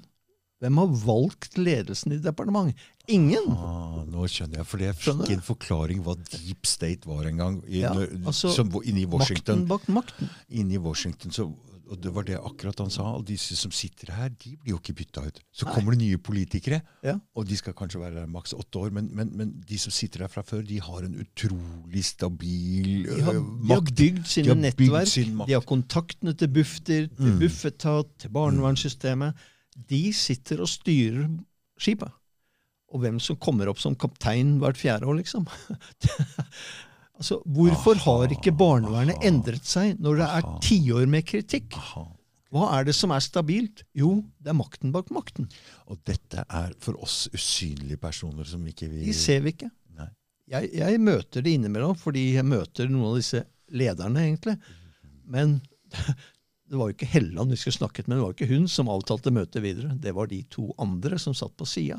Mm. Og de er skyggemennesker. De er jo ikke ute i den offentlige debatt. Så dette skulle vært eh, analysert og gitt ut noen bøker om og prata Ja. litt om og sett hvem er disse, og hva er det de egentlig som styrer. Dette har vært interessant. Ja. Fordi vi, vi skjønner jo at det ikke er politikerne på en måte som, som styrer. For de, de, når de kommer inn, og, så får de aldri gjennomført noe av løftene sine. Det er liksom vi, De, de har berøringsangst, for de vet altså vi, vi så jo hva som skjedde når denne ordføreren utafor Bergen, i hva heter den her eh, kommunen rett øst for, for Bergen der, eh, ville reise sak mot tidligere barnevernssjefen. Hvem var det som da som kom på banen? Jo, det var LO-advokater. Nei, dette vil vi ikke ha nå, liksom. Mm -hmm. uh, det var en, en, en sak i Litteraturhuset i Bergen, hvor de hadde på Skype eh, tidligere leder i EFTA-domstolen. Jeg husker ikke hva han heter i farta, men han var da veldig kritisk til rettssystemet her i Norge. Det var det for et par måneder siden. Det der, jeg husker. Ja, det er en liten stund siden. Mm, mm, mm. Og så ble det en liten diskusjon etterpå. Hvem var det som mente han var en i gåsehudene, tulling? Jo, det var en LO-advokat som var til stede. Så, så man ser at den makten man ser, det er på en måte den grandiose fasaden av Norge. Vi har valg, vi kan bestemme hvem som skal sitte hvor. Nei, vi gjør ikke det. Det er ingen som har stemt på noen i Stortinget. Du stemmer på et parti, og i partiet så bestemmer de hvem som skal sitte på Stortinget. Så, så det er ikke noe ingen som har valgt de som sitter på Stortinget. Vi har valgt hvem som skal bestemme hvem som skal sitte på Stortinget.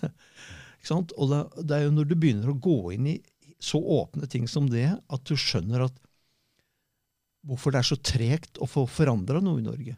For de som egentlig formelt sett har makt, makten til det, de har ikke makten til å endre noe hvis de bak setter seg på bakbeina. Og da, da begynner du å forstå hvorfor, hvorfor barnevernet er en sånn treg materie å endre på. For Man behøver jo ikke si opp folk, man må bare få inn folk som egner seg. Og når det gjelder akkurat barnevernet, så griper det inn i det mest sentrale i folks liv. Barn, familie. De, de har jo makt til å ødelegge et samfunn ved å splitte familie. ikke sant? Det, det er en dynamikk som er helt hinsides, Men den er det ingen som snakker om. Og når jeg bringer det opp La oss ta Rune Fardal, liksom. Bring it on, sier jeg bare. For jeg gir meg ikke. Jeg skal ha Så det slutt på dette. nytter egentlig ikke å angripe dette systemet nedenifra? Om, eh, så man må egentlig gå inn og si hvem er det som driver og styrer dette på toppen? Ja, altså, Samtidig, i hvert fall. Som Altså- man peker på disse feilene? ja, altså Den greie saksbehandleren, det er ikke han som er problemet. Nei. Det er sjefen som skal overstyre. Og så er det kanskje ikke han igjen. Nei. Og så er det kanskje byråkratene som sitter bak politikerne. Og da begynner det å gjemme seg langt bak her. Og Da begynner det å bli komplekst. ikke Ikke sant? sant? Og, og når Og så er det masse sier- penger inne i bildet, Åh. og så er det folk som har noe å skjule, og så er det Ja. Dette er Så et Tenk skjem- på alle de sugerørene som går inn. altså Mm, eh, Kommuneadvokater. Flere tusen kroner timen. mm. De er jo ikke interessert i en sak skal løse seg før de kommer i nemnda. De, de tjener jo ikke noe på det. Så litt sånn enkelt sagt, Nei, de tjener penger jo flere saker, altså jo større konflikten er. Advokater er De skal ha en og Den lønna skal ikke være liten. De skal Nei, krabbe nei, til seg. Altså altså, de, er- når du har blitt advokat, Ja, da skal du ha Da vil du ha. ja. Og det er klart, de, Uansett om du ljuger eller hva du gjør. de beskytter jo dette systemet. Ja, ja. Fordi de melker det så enormt. Ja. Og tilbake så ligger altså barn som tar livet sitt, eh, foreldre, eh, familier i havari, i generasjoner, bestemødre som forgjeves prøver å se barnebarna sine. Og det er ingen forståelse for at dette ikke er riktig, liksom. Fordi ja, dette tjener vi så mye på, så her kjører vi bare på. Det er sånn kynisk, og det sa jo en av dommerne i en av de confounding dommerne i dette Lobben-saken. Eh, hvor, og da gjaldt det eh, norske barnevern som da mente at siden eh, samværet var så vanskelig for barn å forholde seg til, altså de reagerte før samværet, de reagerte etter, så er det bedre vi kutter ned på samværet. Og det mente dommerne var kynisk. For når du da spurte barnet hvorfor reagerte du før, jo, jeg gleda meg så fælt. Jeg må etterpå da, jo, jeg savna mamma og pappa så fælt. Det er helt andre mekanismer enn det barnevernet sier. Ja, nei, her blir det uro. Og så, ja, hva består den i, liksom? Nei, vi mener at det blir uro. Ja, hva er det konkret? Ja, barnevernssjefen og vi mener at det er uro. Følelsesmessig Altså, du snakker til veggen, ikke sant? ja, ja. Det er, eh, og det er da, da kommer denne personlige faktoren inn. ikke sant? Og som Marius ø, ø, også sier, så møtte de altså opp så mannsterke der nede. Ja. Hæ? ja. Her satt Hvor mange var de Lobben, og så satt det et kobbel. altså Det var ni advokater pluss 100 stykker bak som hadde reist på offentlig regning. Og, og da skjønner du hvor mye dette Mye. betydde Ja. for de i systemet sitt. Oh. Og de ga vel F i hun mora. Oppretthold systemet. Så rakner jo alt. Hvor, da forsvinner sugerør og alt. ikke sant? Så det handler om penger, det handler om makt, Det handler aldri, eller sjelden, Om feil, familie. om feil intensjoner òg, tror jeg.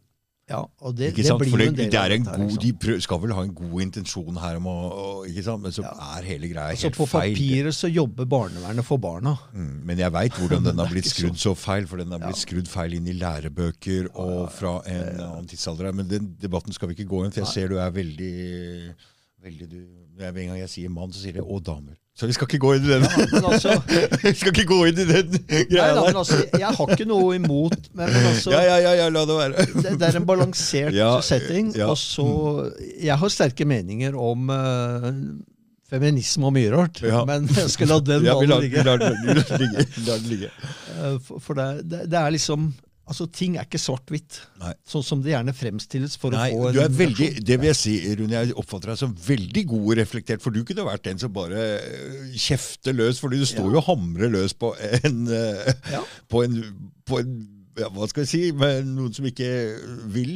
Ja. Og, så, men istedenfor så ser du det hele store bildet. Jeg syns det, Ja, det altså, er veldig interessant. øh, ting, ting er ikke svart-hvitt. Altså, altså Narsissister, så er ting svart-hvitt grunn av den her psykiske forsvaret som heter splitting.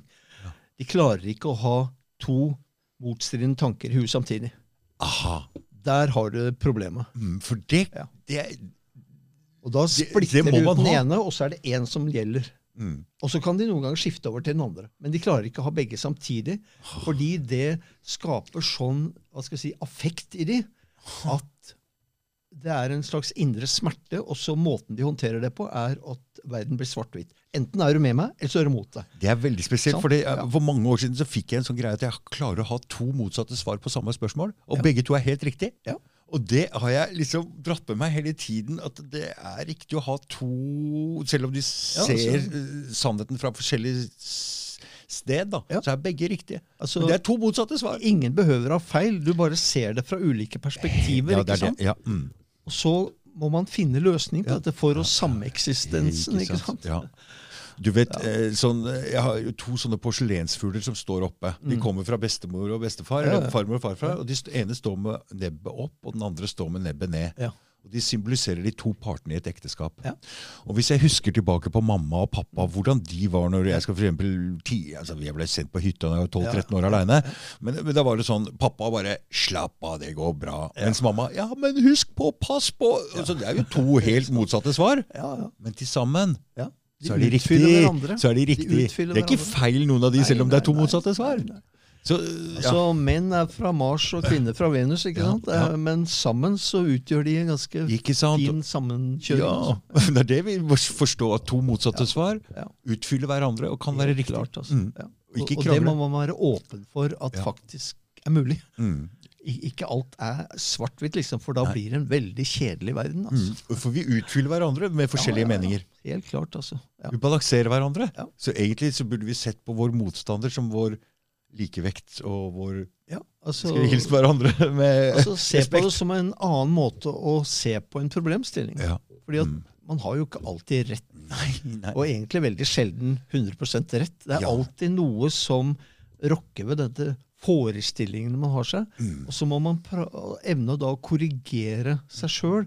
Å oh ja, ok, da må jeg korrigere virkelighetsbildet mitt, liksom. Mm. For det som skjer nå med den ensidige mediepropagandaen eh, i russlandsdekninga her, Ja. så vil jo en del folk si at dette er jo feil, og så vil de komme med den helt motsatte så blir det to helt motsatte det er svart-hvitt. ja, men det. Sånn er det jo ikke. så hvis vi hadde klart å balansere det eh, litt Altså, Så, så media, media lager en sånn utrolig de, de setter opp en holdning som folk skal ha. Ja, og så blir den de veldig har- ekstrem, og Ja, så blir det så, så blir den og på grunn av det så vil noen folk mene det motsatte og vil stå sånn og krangle. Ja. Istedenfor å nærme seg hverandre. Ja. Kanskje det er litt riktig der, og kanskje det er litt riktig der. Og så Ja. tar vi det beste ut av dette, og Ja. så får vi til en løsning. Ja. Det, er, det er liksom sånn, det er min filosofi. Mm. Ingen har alt rett på den Mm. ene eller andre sida. Og så må, så må man ha det høyere mål, en løsning. Hvordan Mm. får vi til det? Ok, ok, jeg tar det, og så tar du det. Og så tar vi vekk det som vi ikke klarer å bli enige om, og så får vi til en løsning. Mm. Og så er ballen død. Og så kan folk leve livet sitt som de vil. Mm. Ja. Helt klart. Ja, hjelper det noe å ringe Rune når de er i problemer eh, med barnevernet? det merker jeg nok at det gjør, altså. En trygghet? Ja, altså, de møter noen som møter de på deres premisser. Ja. Og så har jeg med meg kunnskapen som jeg har, og så ser jeg løsningsmuligheter. Tryggheten. Her har de brutt loven sånn og sånn og sånn. Mm. Ok, Det får de rydde opp i. Mm. Og så får vi til en løsning. Mm. Og det er veldig mange de jeg møter i barnevernet, de, de er jo ikke sånn dette svart-hvitt-bildet. De skal inn og ta barn, liksom. Eh, de, veldig mange er 'Jeg vil hjelpe deg. Jeg vil hjelpe deg. Er det noe jeg kan hjelpe deg med?'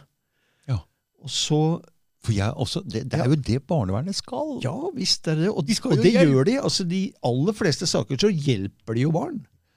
Med å hjelpe foreldrene. Ved å hjelpe foreldrene. Altså Hvis det er avlastning de trenger, eller Mm. whatever, litt Mm. økonomi, eller Ja. kanskje litt råd om hvordan du løser Ja, ja, når dere står og Så de kjefter på aller hverandre. fleste ikke sant? sakene så er de, gjør de riktig. Ja, altså.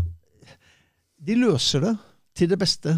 Altså Ja. Man har jo ikke noe fasit hva er riktig og feil, liksom. men Nei, nei, altså nei, nei. løs det til det beste for barnet og Mm. familien, Mm. og så kommer man videre. Mm. Og der hvor det går galt, så er jo min opplevelse at barnevernet som maktfaktoren, som hjelpeetaten, ikke evner å komme ned på foreldrenes nivå. Ja, kanskje denne faren har brukt litt for mye hasj. Mm. Jeg hadde en sak borte på Vestlandet eh, hvor da han hadde brukt litt hasj på festing, og sånn, og så var ikke det helt greit. Ja, men Rune, Rune, Rune Hvordan løste vi det? Jo, da ble vi enige. Han tar rustester i tre måneder. Hvis de er greie, så men- henlegger saken. Ja, Nå- det var helt greit. Men, men hør nå, nå må de på Vestlandet roe seg ned. Nå har vi hatt en rusreformdebatt her Ja. som bare har lagt altså, Nå traff jeg en nerve hos deg, ikke sant? Ja, men jeg røyker, for å si det sånn, jeg røyker ikke hasj altså eller problemstillingen. Ja, den problemstillingen ja, ja. der. For det nå Det er så mange som driver og røyker det greiene der. Ja, ja. Og det viser seg at de er helt fine foreldre for det. Nå må du slutte opp. Og det, det verste er at det, det henger jo inn Ja, For jeg har jo sittet inne, og da er det sånn at det, det er jo i ruinen din i 30 dager. Ja, ja. Fire-fem uker etterpå. ja. Så liksom er du uegna foreldre. Men, så den rusreformdebatten har egentlig snudd eh, alt dette på hodet, så de kan Ja. ikke komme og si at du har røyka hasj for en måned siden. Du kan ikke ha unge, altså. Det, det, Nei, den altså- er borte nå. Det, det blir sånn fordommer. Den går ikke i Oslo, som- tror jeg. Nei. Og, og jeg merker jo den, den type argumentasjon hvor de har en bekymring. La, la oss kalle det hasj. Mm. Eh, og så spør jeg ja, er det noe tegn på barnet at det har tatt skade. Har barnevernet nevnt noe? Har helsekontrollen? Er det noen som har sett noe skade på barnet? Mm. Nei, de har jo ikke det. Men vi fordømmer jo disse foreldrene, da. Nei, nei, nei. Og så klarer de ikke å linke dette her. Nei. Altså Det er på foreldre... tide at alle de som røyker hasj, egentlig står fram og sier 'jeg røyker hasj', men de har vært litt sånn feige og gjemmer seg bak eh, legaliseringsprofilen og tør ikke å stå fram. Men det er på tide de gjør det. Stå fram og si at du røyker hasj hvis du gjør det og er litt eh, en profilert Ja, ja, person. For jeg tror det er mange av de. Jeg tror det er utrolig mange. Når jeg så hvor mange som vil legalisere, så ble jeg veldig overraska over den debatten. Jeg hadde aldri trodd at det var sånn, men det har jo snudd helt opp ned på alt politiets reaksjonsmønster til å ransake folk. Det er ikke lov. Politi så ting har snudd seg. Og så, så Man trenger å snakke om ting for å Ja, få opp hva er det ja. egentlig, liksom, istedenfor å sette det i en sånn narkobås, og så Ja. alt her er liksom altså, eh, Antagelig er det mer skader fra de som røyker en røyk, enn de andre. Ja, Hvis de røyker hele tiden. Ja, Ja. altså røyke hjemme, passiv påvirkning på barna, og Mm, you name it. mm. Hvordan slår det ut, liksom? Nei, før var jo altså, Mamma og pappa altså, de, Før var det røyking i bilen, og vi unge og alt mulig. Hæ? Fy fader. Hvordan overlevde vi når vi Ja, vokste opp, liksom? Nei. Nei, det, det er ganske interessant. Eh, Men, det er veldig interessant å diskutere litt sånn Flytte diskusjonen opp på litt mer sånn hva skal jeg si, filosofiske problemstillinger. For det er jo ofte de som du må opp på for å få løst eh, Få opp debatten på noe. Mm. Ikke sitte der nede med disse små detaljene og henge seg opp i de. Du må løfte deg opp. Mm. Og det, det merker jeg jo egentlig, altså Den teknikken bruker jeg jo litt i møte med barnevernet, f.eks. For, eksempel. for de sitter jo og snakker om barnevernloven her nede. Og så sier ja, men hva med menneskerettighetene, da? En høyere lov som har forrang. Har dere oppfylt de? Nei, de har jo ikke det, da. Nei vel. Hvorfor snakker dere om grums når det er de store linjene vi skal ha fram her? Og de klarer ikke å komme på det nivået. Det merker jeg. altså Da blir de liksom rådville. og De er ikke bevandra til å snakke om altså, litt løsningsorientert og bruke de verktøyene som er der. Det, det, det mangler jeg hos mange. De, de, har nok ikke erfaring og kunnskap om disse tingene, sånn at de blir tatt litt på senga. Sånn som uh, barnevernssjefen oppe på Møre, liksom. Nei, vi bruker ikke EMD her, vi. liksom, ikke sant? Da, da har du ikke skjønt jussen. Hvor gamle er disse som du møter, som er sånne I barnevernet, mener du? ja. mm.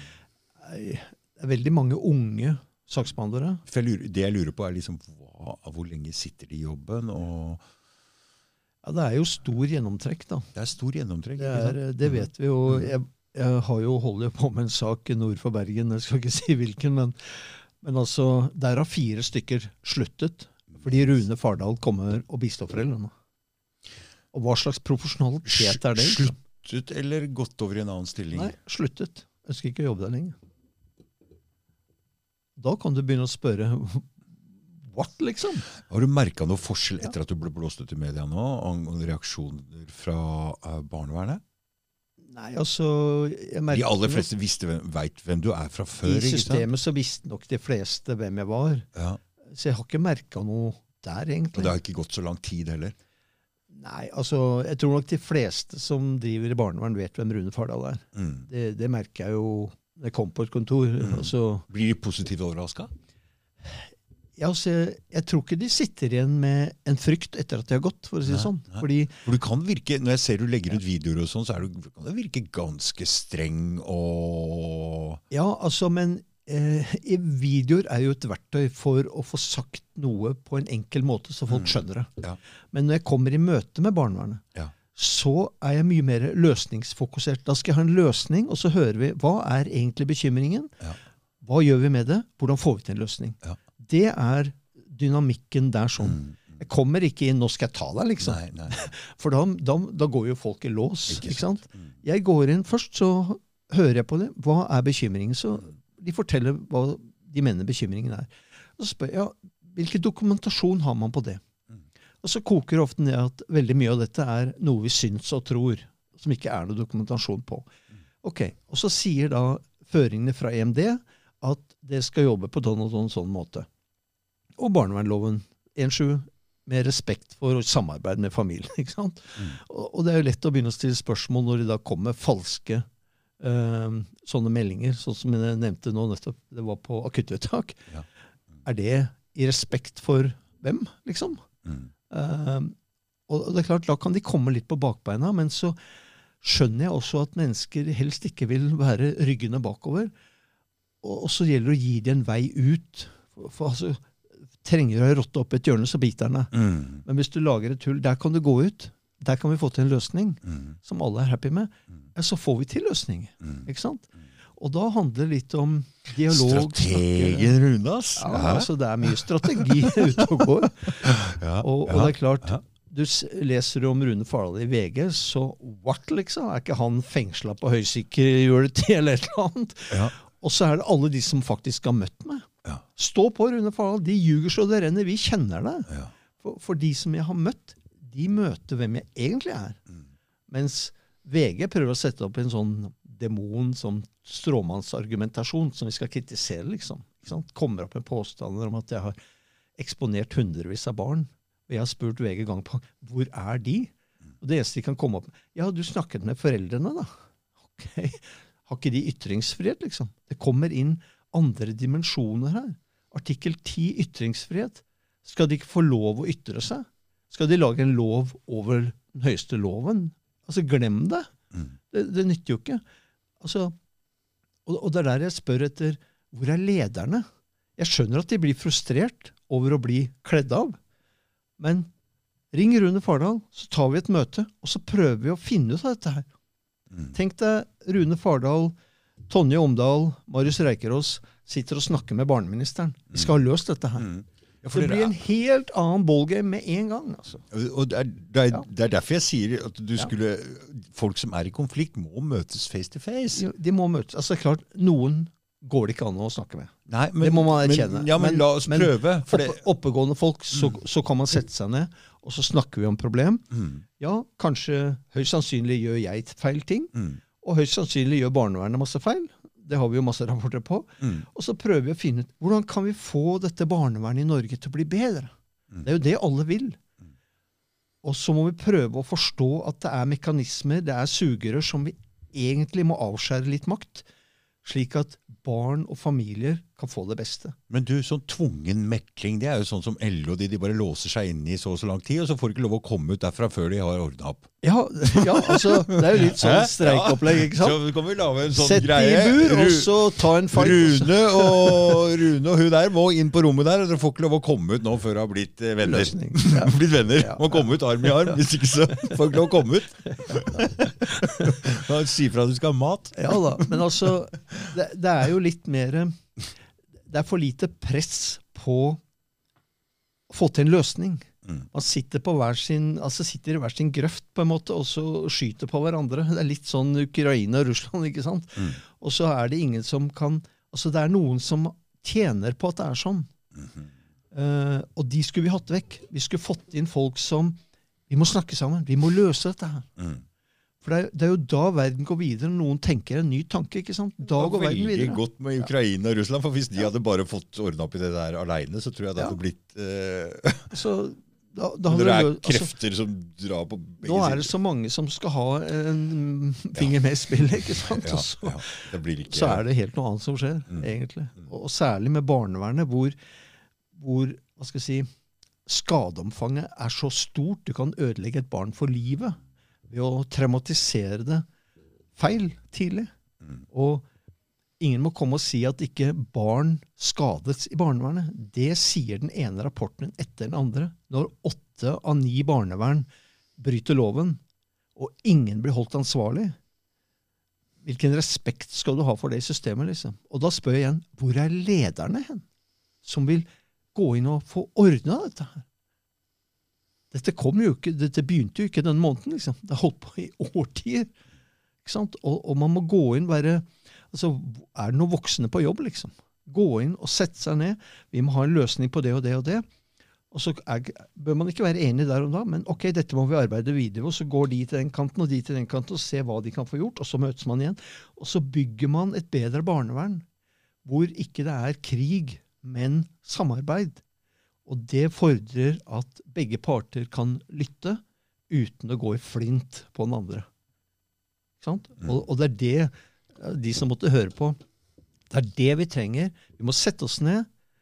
Sentrale folk der og sentrale folk der må sette seg sammen, og så har vi en diskusjon med innestemme på hvordan skal vi få til best mulig barnevern. Og jeg tenker også som, som Hilstad Tune har vært inne på, egentlig, vi må ha en todeling. Vi må ta makten bort fra den hjelpende delen. Vi må ha en hjelpedel og så en maktdel. Og når det er så ille at du måtte fjerne et barn fra familien sin, som veldig mange fagfolk sier det er det verste du kan gjøre med et barn, da må det være alvor. Ikke flisespikkeri, ikke sant? sånn som det er nå.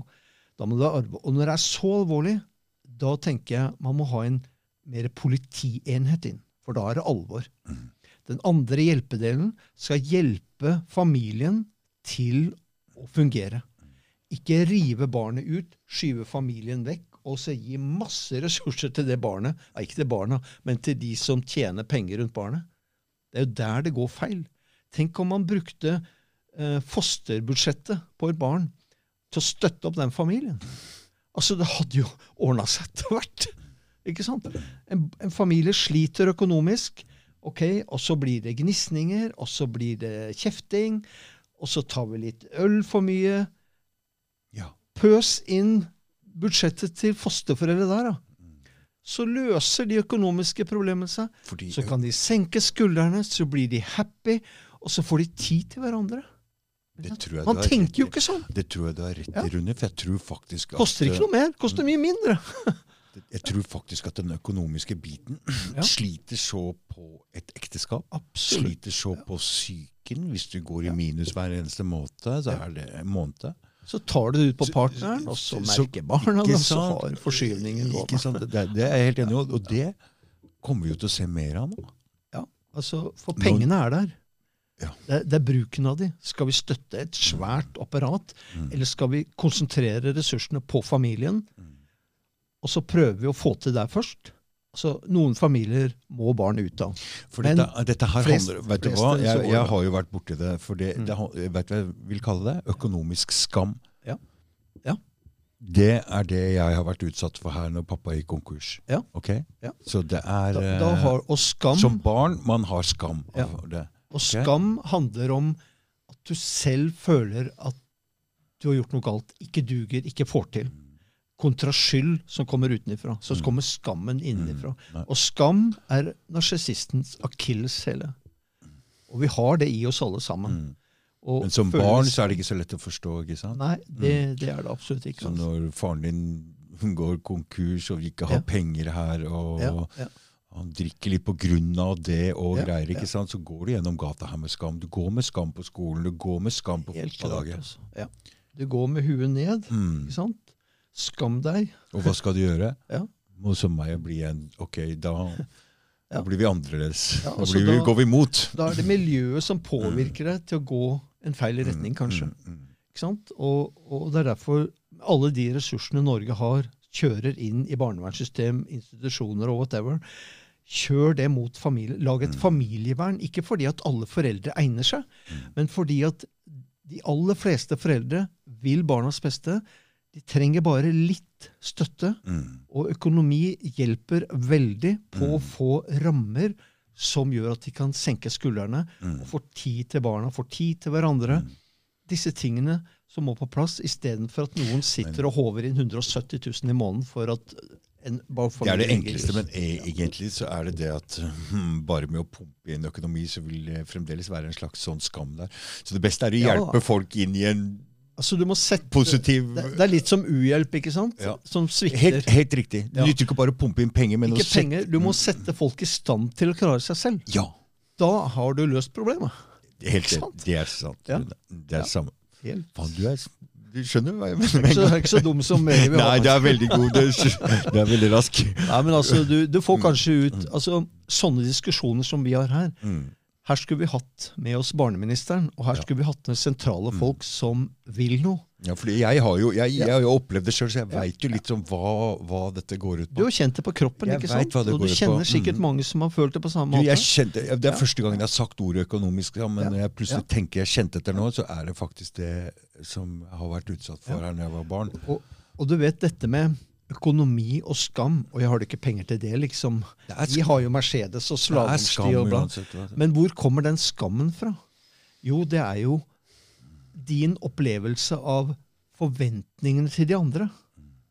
Altså, skam fins ikke. Det er noe Nei, men vær Den klar over at alle de andre familiene veit om dette, ikke sant? Ja, men da blir det ditt bilde der ute. Mm, Skaper skam. mm.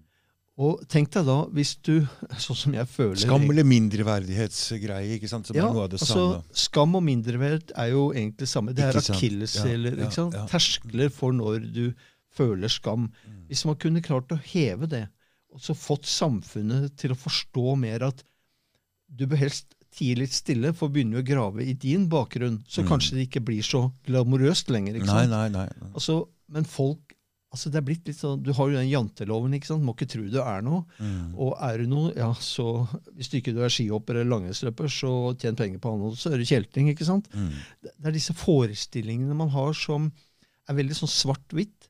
Fordi vi er satt i det. Vi er lært opp til det. Mm. Altså, Vi, vi ser ned på dama i Rema-kassa. Mm. Men altså, du kommer jo ikke ut med maten din uten å betale til noen.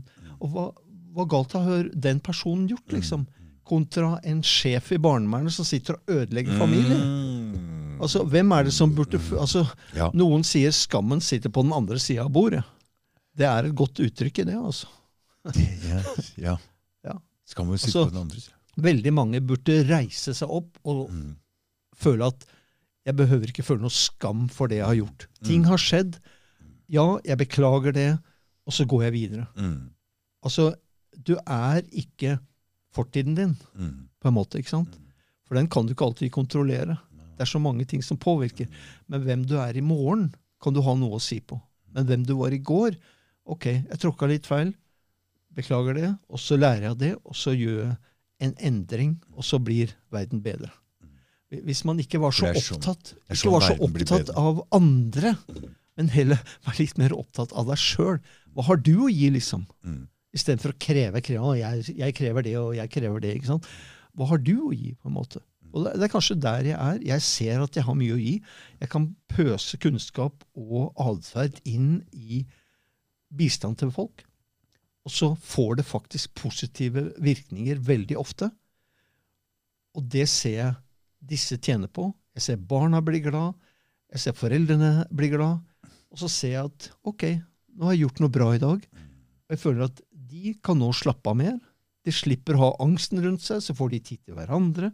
Altså, det, får så positivt altså, Hive en stein i vannet, så pff, går ringvirkning ut.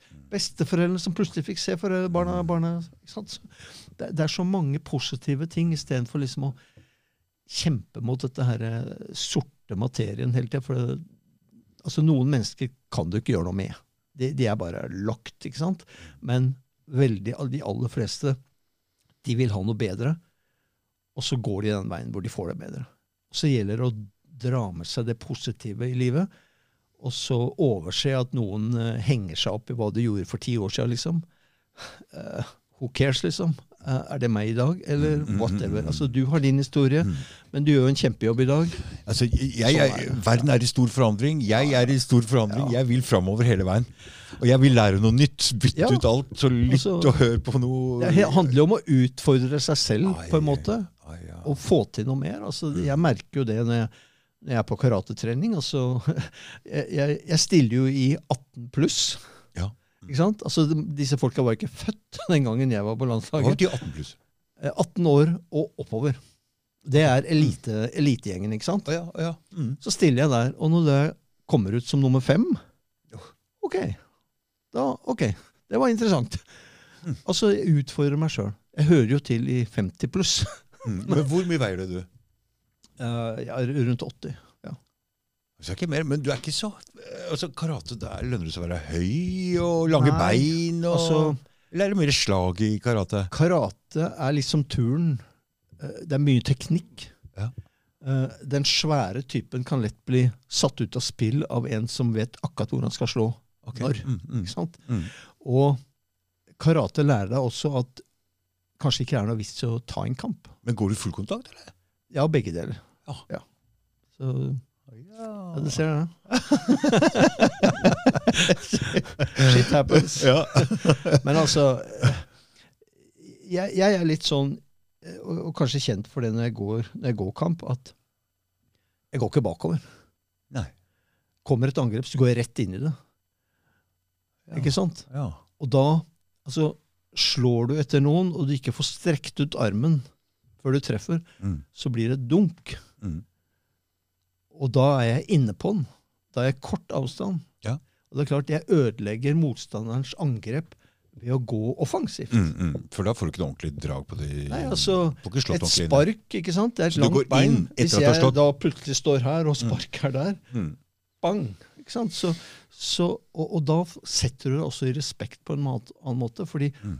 Du gjør noe som ikke er forventet. Ok, Så hvor hardt er det lov å dytte eller gå inn i kroppen sånn i Altså, karate? Slår du for hardt der hvor jeg er med, så, så blir du diskvalifisert. Du må være okay. kontrollert. Okay. mm, For det mm. handler jo om poeng. ikke sant? Okay. mm. Så, så den delen er egentlig ikke så Det er interessant. ikke lov å slå i ansiktet heller. Jo, det er lov å slå, men du skal ikke spytte ut fem tenner etterpå. Men du har liksom. lov å slå hardt i kroppen. Kroppen øh, kan du både sparke og slå i.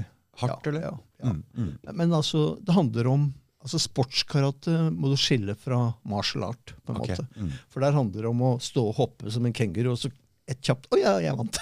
Ja. Det funker jo ikke sånn på gata. Nei, nei, nei. Da blir du jo drept hvis du prøver deg på det der. Mm. Og, og derfor så, Min filosofi er nok mer mot tradisjonell karate, hvor du får inn dette psykiske aspektet. Du bygger opp psyken din. Fordi at eh, Jeg merka jo for mange år siden, 40 år siden, jeg sto dør, dørvakt i Drøbak, liksom på Seaside, for de som kjenner den sjappa der, så, så var det jo ikke om å gjøre å banke opp alle som ikke eh, oppførte seg ordentlig. ikke sant? Det var om å få roa situasjonen, og så få vedkommende vekk. Mm. Og det er noe helt noe annet. Og da kommer det ikke hvem som slår hardest inn. Da kommer det hvem som relasjonelt kan få roa situasjonen din. Mm. Og det er jo litt det jeg tar med meg når jeg møter barnevernet, jeg er jo ikke der for å klinke til dem altså sånn, eh, på en eller annen måte. Jeg er for å få til en løsning. Mm. Og da må man ha en relasjon. Og så må man forstå den dynamikken. Altså, de må gi litt, vi må gi litt, og så må vi finne en løsning. Og så løser det seg. Og, og det er jo ofte sånn det ender. Men så møter du selvsagt folk som ikke hør på. Nei, nei, nei. Og de har ikke noe der å gjøre. Okay? Og da tar jeg opp litt andre verktøy. Mm. Og det liker de ikke. Da kommer kameraet fort. Så forteller vi hvordan, hva slags arroganse de møter. Da kommer kameraet ditt fort opp. da kommer kameraet opp. Ikke mot de. Da går jeg ut og har en sending og forteller hvordan de jobber. Ja. Mm. Og det liker de ikke. Så blir du anmeldt, ikke sant? Så blir det henlagt. Det runda jo nå et par dager siden. Da blir du anmeldt fordi du sier navnet deres, eller? Eller bare, Ja, eller, nei, altså, eller bare Jeg avslører jo Altså, det de ikke liker, er å bli navngitt. Men der har jeg jo kjørt rettsprosesser fra 2005 og framover, Mm. hvor det er fullt tillatt å offentliggjøre navnet på Fordi en offentlig ansatt. Her kommer vi inn på en sånn problematikk som jeg syns er litt interessant. For kan man virkelig gjemme seg bak en etat og si at du kan ikke holde meg ansvarlig for noe jeg gjør? Det er, er ikke, Det er fullt tillatt å navngi offentlig ansatte. for og du må være ansvarlig for det du gjør. Ja, ja. Vi er voksne voksne mennesker, og Helt hvis klart. du gjør en, en avgjørelse som går inn i og, Så bryter du loven, Ja. så Mm. kan du ikke sitte der og late som ingenting. Nei, Fordi det får jo konsekvenser for andre mennesker. klart. Og det er klart, Da går jeg ut og forteller jeg, den og den saksbehandleren, den barnevernssjefen her inne, bryter loven. De jobber sånn og sånn, i strid med lov. Mm. Vær obs på det. Mm. Og det er jo det de ikke liker. Og det må de mislike så mye de vil. De Ja. kan bare forholde seg til loven, Ja. så slipper vi å ha noen ting. Mm. Ikke sant? Altså, de, disse råtne eplene i systemet må vekk. Mm. Og det er jo aldri noen som tar ansvar. Altså, norsk forvaltning Hvem er noensinne Nav-sakene. Var det noen dommere som måtte gå av, eller fikk noe ansvarliggjøring av å sette folk i fengsel? De gikk jo helt til Høyesterett. De har ikke skifta ut noen folk. Mens disse fortvilte menneskene de ligger tilbake med sona dommer og you name it. Ansvarliggjøring av lovbrudd. I det øyeblikket du hadde blitt holdt ansvarlig for hva du driver med i barnevernet, så hadde du blitt kvitt de dårlige eplene, og så hadde du fått inn folk som følger loven, møter mennesker med respekt, jobber for å få til en løsning, hjelper barn og familie. Dette løst deg med en gang. Er, altså, folk med makt må stilles personlig ansvarlig Ja, for det de ja, gjør. Hvis ikke så Ikke sant? Ja, ja. Alle vi andre er jo Altså, de, Som en voksen, ja, ansvarlig person. ja, altså alle blir Altså, hvi- Hvis du får igjen 10 000 for mye fra Nav, og de finner ut, så kan det garantere at de kommer etter deg og skal ha de penga tilbake igjen. Mm. For det du skulle fulgt med. Men når de gjør en feil og putter folk i fengsel, hvorfor blir ikke de holdt ansvarlig? Og da mister folk tilliten til autoriteter. Mm. Og det er jo det de er redd for, ikke sant? Dette er jo det som egentlig er argumentet til alle de som Så det, det du driver med her, er jo på en måte å svekke tilliten til systemet. Og det er jo mange som mener at tilliten til systemet er det viktigste vi har her i Norge. Ja, Ikke men sant? Men da må tillit er ikke noe du kan kjøpe i en pose. liksom. Helt enig, Rune. Den uh, fortjener du fordi Mm. du, har vi, du har jobbet på en måte som inngir tillit. Helt enig. Men disse her krever tillit, Mm. og det er tyranni. Mm. Og det begynner å bli ja. de, de, Så det begynner å bli Det er ikke lenger politikerforakt, men det begynner å bli noe helt annet her da snart. Ja, altså Veldig mange forstår jo at både media, politikere, eh, byråkrater de, de jobber jo ikke for deg. Nei. De jobber for posisjonen sin, og beholde den, tviholde på den. Mm. Nå har 18 eh, stortingspolitikere blitt avslørt i å ha brutt loven med å bo hjemme på Mm. gutterommet. Er det- noen av de som har blitt holdt personlig ansvarlig? Nei. Ingen. Mm. Ingen har fått ansvar. Ja, vi betaler tilbake, så er det greit. Si det til Nav, da. Så blir det satt, så blir satt to måneder på sidelinja, så er det inne igjen? Ja. Det blir ikke ansvarliggjort. Nei, det gjør ikke. Og da, folk, da er det ikke noe krav om at folk skal ha tillit til det lenger. Nei. sant? Jeg er helt enig. Og det, det er jo kanskje det er det jeg setter opp litt spisst, og som dette systemet nå ikke liker. Ikke sant? Fordi jeg, jeg river jo ned dette systemet på en måte, på en måte som, som uh, tar fra disse maktpersonene makt og sugerør. Ikke sant? Mm. Det er klart, de har mye å tape på at jeg vinner fram. Mm. Altså, vi, vi hadde en sak i Alver kommune hvor eh, det var et innbyggerforslag, fikk 300 underskrifter, så de ble tvunget til å ta opp eh, gjennomgang av barnevernet i kommunestyremøtet. Hva skjer? Jo, saken kom opp som nummer én, og så kommer det en representant fra KrF. Ja, nei, eh, jeg vil ha gruppestyremøte, jeg har et alternativt forslag. Ja, Så gikk disse, de som hadde makten i kommunen ut, og så hadde et møte 15 minutter, og så kom de tilbake. Ja, jeg foreslår at vi tar en kommunerevisjon av barnevernet. Så ble det vedtatt. Og de stemte aldri over innbyggerforslaget. Det i seg selv er jo brudd på loven. Men eh, så Vi kjenner jo en del politikere. Så vi fikk tilbakemelding at de måtte gjøre det sånn. Fordi hvis innbyggerforslaget hadde gått inn som mange Jeg hadde fronta det ut, og mange hadde jobba for det. Det var ikke min fortjeneste, men det, det så sånn ut når jeg hadde sending. Vi kunne ikke la Rune Fardal vinne. Det var et nederlag. Så vi måtte komme opp med en annen løsning på hvordan vi skulle allikevel få til det. Altså, er det noen voksne på jobb, liksom? altså, da ser du ego er viktigere enn å få løst problemet med barnevern i alvor. Og det er, det er, jo sånn en del politikere er. Eh, de tror på sånt svart-hvitt-bilde. De ser egentlig ikke hva saken handler om. At det er et barnevern som er helt ute å kjøre. Lovlig. Um, de, de, de, mister fokuset på hva som er viktig, liksom. De får en redegjørelse fra barnevernssjefen som er skyldig i masse lovbrudd, men så sier alle de riktige ordene. Og ja, men da er det bra i barnevernet, da, liksom. Det er ingen som går inn og spør ja, er, hvor er hvor er grunnlaget for hva du påstår om barnevernet? altså jeg spør ofte hva er den faglige begrunnelsen. Så klarer de ikke å komme opp med noen. De sier ja, barnevernet mener at Og det er jo ikke noe faglig begrunnelse. Mm. Og når jeg spør igjen, ja, så sier de på ja, barnevernssjefen er enig med oss.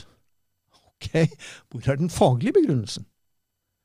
Altså, de, de, de er nede på et sånt psykobabbelt språk. De, de blir så vant til å gjøre ting på den måten så lenge at det blir jo helt sånn Å, eh, hva skjer, liksom? Når jeg kommer og spør etter fag og juss. Og det er, det er, jo der jeg klart har fordel av å ha studert mye psykologi. Så jeg kjenner begreper, jeg kjenner mange ulike perspektiver i psykologien. Jeg kan løfte dette opp på et annet nivå, og så klarer de ikke å følge med. Og så føler de seg litt sånn mm, dumme i gåseøyne. Og så går vi, og så går de og anmelder meg da til politiet for skremmende atferd. What, liksom? Og, og det, det, altså, jeg spør er det noen voksne på jobb, liksom. Hvor er lederne her? Så du har blitt anmeldt, for, du har blitt anmeldt mange ganger, eller hva? Ja, altså her om dagen så fikk jeg henlagt anmeldelse nummer 50, da. Ok. altså okay. Politiet har henlagt 50 anmeldelser mot meg. Fra barnevernet? Fra barnevern. Barnevernsansatte? Barnevernsansatte, ofte barnevernssjefen, ikke sant, som da anmelder. Mm. Eh, og det kan være sånn som i Kautokeino. Jeg gikk ut og sto på utsida og fortalte hvilke lovbrudd de drev med på innsida. Mm. Så anmeldte hun meg til politiet for skremmende atferd. What, liksom? Altså, jeg, jeg, skjønner jo at de blir frustrert. Men hadde det vært ledere på jobb, så hadde de sagt Rune Fardal, kom inn, vi må snakke om Vi må finne ut hva er som er feil her. Mm. Gjør vi noe feil, eller er det du som tar feil? ja, ja men de klarer jo ikke jeg, jeg, jeg, skjønner jo at de blir skremt av å bli hengt ut offentlig sånn. Ja, eh, altså, eh, men det burde jo bli også? Det burde de blitt mye mer, for de bryter loven. Mm. Så da kan de ikke skylde på Rune? Nei. altså Jeg poengterer at de bryter ja, loven. Ja. Dere har ikke faglig belegg. Ja. EMD er klinkende klar på at det skal være velbegrunnede Og da skjønner jeg at de blir skremt. Ja, ja, men de kan ikke ja, ja. ja, altså, mm. Eh, vi, vi, klarte å få til ett møte i Kautokeino. Da satt jeg og far her, og så kom barnevernssjefen og så han andre som jobba der. Og så kom de med et ark til meg som jeg skulle tegne, undertegne på uh, taushetsplikt. Ikke sant? Fordi far måtte frigi, frita de for taushetsplikt, og så måtte de ha et papir på det. Mm -hmm. Så så jeg på den. Første punkt. Rune Fardal må ta vekk den forrige videoen han la ut. Hva har det med taushetsplikt å gjøre, liksom? Uh, neste. I henhold til barnevernloven paragraf 6-7 punkt A så er det taushetsplikt. Ok, men jeg jobber jo ikke i barnevernet. Uh, har du noe her som gjelder meg? For de fleste har jo bare veldig enkle ting, og så signerer du. Men her har disse lagt inn masse forutsetninger. Så sa jeg ja, men dette har dere ikke lov til. Dette kommer jo til å slå tilbake på dere, sa jeg. Hvis dere tvinger dette gjennom. Så reiste de seg opp. Å ja, du, du truer oss, ja. Og så gikk de.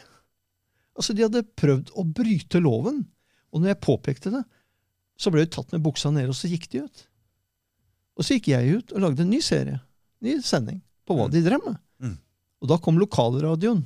Alt er posten. Hele pakka kom. Da satt jeg sånn og snakka med en fra lokalradioen også. Ok, Så det var flere interesser å bli kvitt de folka der, altså? Ja, I Kautokeino? Altså- hvor, hvor Altså igjen, er noen voksne på jobb, liksom? Så det som skjedde i Kautokeino, kan ha vært at det var noen andre som var litt interessert i å få bort den makteliten som satt der? eller? Ja, altså, Vi ser jo nå i ettertid at det er konflikter i, i, i administrasjonen. Mm.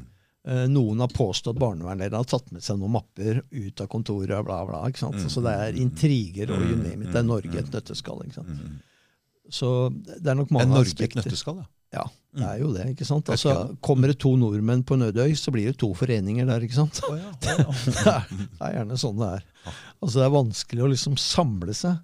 Det er alltid noen sånn konger på haugen. Altså, vi har et langstrakt land, dype fjorder. Der danner det seg en, hva skal jeg si, en slags måte å gjøre ting på. Mm. Og så kommer det noen nye inn med en bedre idé. Så truer han jo egentlig den måten vi har gjort det på. Og det er jo det som jeg ser oppover. Altså, mange av disse barnevernene er jo innerst i en fjord, lukka miljøer. Mm. ikke sant? Mm. Kom jo opp til, for noen år siden her på, til Evenes. Så hadde vi en sak hvor vi så at her var det ting de hadde gjort som ikke holder til boka. Og så hadde jeg to minutter direktsending på en lørdag utenfor rådhuset. Og det resulterte i at mandag morgen så innkalte rådmann eh, til møte. Satte inn bedriftshelsetjenesten tilfelle noen hadde fått psykiske problemer i barnevernet. Og så begynner han et renkespill. Sender, altså Det var tre kommuner da, som samarbeida, så sender han mail til de. Eh, om ja, hva gjør vi med dette her? Eh, hva, gjør vi med rundt Fardal? Eh, nå har vi satt inn bedriftshelsetjenesten. Ingen liksom spør hva var problemet egentlig, Nei. men det var eksponeringen, avsløringen. Og så sender jeg da Det, det, ja. og her kommer poenget. Så sender jeg da en, en mail til han. Ja, jeg hører at det skal være sendt noe mail til de andre kommunene. Kan jeg få en kopi av den? Offentlighetsloven? Nei, jeg hadde ikke sendt noe mail. Det ikke, var ikke noe mail, fordi at, eh, Jeg gikk inn på postlista, der var det jo ikke noe mail. Men så hadde jo vi kontakter med, med politikere i kommunene, og de satt jo på mailen. Så jeg spurte, ja, så, så avslørte jeg da, ja, jeg sitter på en mail her. Å ja, ved, ved en kuriositet så var ikke den kommet med på postlista. Nei, det skal vi få fiksa. altså, de driver og trikser og mikser utenfor lov, og så blir de avslørt, og så blir de sure. Og det er klart, vi trenger ikke sånne folk på jobb. Mm. Ikke i det offentlige. Da forventer man at de følger loven. Mm. Og det er jo lovbrudd og faglige brudd jeg påpeker. Og så klarer de ikke svare. Og så er det ego som overtar, og så ah, anmelder han krenka meg. Mm. Han krenka meg, ja. Altså Mm. Krenkende atferd. Liksom skremmende atferd. Ja. det er ikke rart du blir skremt når du ikke har alt på det tørre. Nei, altså, du, du ser jo egentlig dynamikken, ikke sant. Mm. Det er jo det samme VG driver med nå. For det VG jo, gjør nå, er jo det samme som Fontene gjorde her for et lite år siden. Jeg vet ikke hva det er. Nei, Fontene er um, bladet til uh, FO, altså um, Organisasjon for ansatte i barnevernet. Ja, ja. Ikke sant? Så har de et medlemsblad, og FO eh, kjørte jo da ut to artikler hvor de da påsto noe om meg. Eh, og så klagde jeg det inn til PFU, og så ble de tatt med buksa ned i begge to. Løgner det de påstår, ikke sant? Og nå gjør VG akkurat det samme. De bare har et større medium med stort sett de samme påstandene. Ikke sant? Eh, et av disse påstandene var jo at eh, eh, Rune Fardal fikk inn 550 000 i eh, donasjoner. Og så fremkom det på kontoutskrift at jeg hadde betalt en regning på Netflix og Sats eller et eller annet sånt. Hvorfor kom, hvordan kan de gå inn i Jo, jeg hadde sendt så- regnskap til Grasrotandelen med Familiekanalen. Men jeg hadde da sladdet hva alle inngående beløp var. Mhm. Så, det, de, så de har bare summert inngående, og så har de sagt ja, det er donasjoner, ja. Oi, eh, det stemmer jo ikke helt. Mm. 550 000 i donasjoner stemmer ikke. Mm. Eh, Jeg fikk inn ca. 280 000 i donasjoner. Mm. Og så har jeg spurt skatteetaten hvordan håndterer dette. Er det, skal jeg skatte av det, eller hvordan? Nei, det er gaver, så det er ikke skal skattes av. noen ting. Og det bruker jeg da i reisevirksomhet. Mm. Jeg hadde jo det året da ca. 50 flyvninger. Koster? Visst koster det penger. Altså, ta 50 ganger ca. 5500 kroner Mm. på hver reise. Mm, mm, mm. Reise, hotell, taxi, you name it. Da var det ikke så mye igjen, liksom. Mm. Eh, Men så setter de opp dette. Ja, men er det ulovlig å ta imot donasjoner, da? Nei. Uh, hva var galt her, liksom? Uh, det, det er bare en sånn hva skal jeg si, en slags sånn um, stråmannsargumentasjon. Og han fikk inn det, og han brukte to uh, betalt noen private regninger på den kontoen. Ok, så ser jeg litt nedover. Ja, der satte jeg inn, der gjorde jeg en jobb, der solgte jeg et kamera, der kom det 4000, der kom det 5000. Å ja, så jeg har altså kjørt inn en god del penger selv på samme konto. Var det de jeg trakk fra, kanskje, når jeg betalte den? Mm. Fordi når du betaler Telenor-regninga di, så er det sikkert tusenvis av andre. Alle går inn på samme konto hos Telenor. De Mm. klarer å sortere det. Og det gjør også et regnskap. Privat og familiekanalen, for å skille de to, f.eks. Mhm. Det kan et regnskap se, og det viser jo regnskap. Og regnskapet året før som de gikk inn på, viste at jeg hadde over 31 000 og noe til gode som jeg hadde lagt ut. Mm. Og da rakner liksom argumentet om at oi, han bruker donasjon til private regninger. Skjønner du? De Ja, setter opp en det- sånn ja, ok. udokumentert Mm. Så det var det de ville si at du bruker til å betale telefonregninga di? Ikke sant? Ja, men det, den telefonen der Ja, Det er vel mest Den- jobb det går i der, eller? det er i Det er vel ikke mye eh, samtaler som er private der. Det er vel privat. egentlig relatert til Ja. barnevern, alt sammen. Ja, altså, det går jo nesten døgnet rundt. det, Ja, liksom. og så Sånn Nå prater vi om det å holde seg i fysisk form som en del av Jeg, jeg vet ikke hvor eh, Altså, Jeg er over 25, ikke sant? så du trenger å holde deg i form skal du klare å reise rundt. Helt garantert Så, eh, 100 Og ja. hvis for å stå imot en sånn psykisk påkjenning som du har vært igjennom Ja, her med ja. VG, så bør du også være i fysisk form. Ja, Da burde det være en del av jobben, det òg, da. Helt altså, Da burde det være en del av jobben, det òg, da. Holde seg i form. det er vel det de sier Uh, utlegg til inntekts erverv. Helt, helt klart. Jeg ser ikke problemet, altså, det, egentlig. altså, de fleste oppegående som kjenner meg, Mm, og som kjenner systemet, de ser ikke problemet, liksom. mm, Og det VG gjør, er jo å skape en slags holdning mot noe som de ikke liker, eller noen bak de ikke liker. mm. Og så rakner det fullstendig når man begynner å gå inn konkret og se Var det til. VG dro fram dette òg? Ja da. Så VG hadde en skikkelig drittpakke her. Jeg har Ja, ikke lest, altså, jeg bare så Rune Fardal her og der og der. Men de har jo selvfølgelig ikke her her gått inn og gått inn på og det der. ja. kontakta min eks for 24 år siden, som jeg skilte meg fra. Ja. Eh, hvor det var en 10-11 rettssaker hvor jeg prøvde å opprettholde samvær. Og hun saboterte. Hun ble dømt til 100 000 i, i eh, tvangsbot for å sabotere samvær. Mhm. Og så eh, ja, Short story long, så så jeg ikke noe mer til det barnet etter 2012. Og så kommer vedkommende plutselig på døra nå, i VG, og liksom eh, Må ikke stole på Rune Fardal, uh, bla, bla. Hun kjenner meg jo ikke i det hele tatt. Har hun vært med i noen møter noen gang? Er det noen som begynner å tenke hvor har hun informasjonen sin fra? Ikke sant? Og, og når en eks som hater deg, pusher barna på den måten, det er jo åpenbart. Altså, men, men det kommer jo ikke fram. Så du, du får liksom den ene siden, men når man går inn og ser på materien, så, så er det ikke fullt så greit. liksom. Mm. Og det, det burde jo en journalist altså, brukt nervecellen i huet og tenk, Så de kjører skikkelig drittpakke på deg. Ja, ja, ja. Det er eh, full pakke. Så. Mm.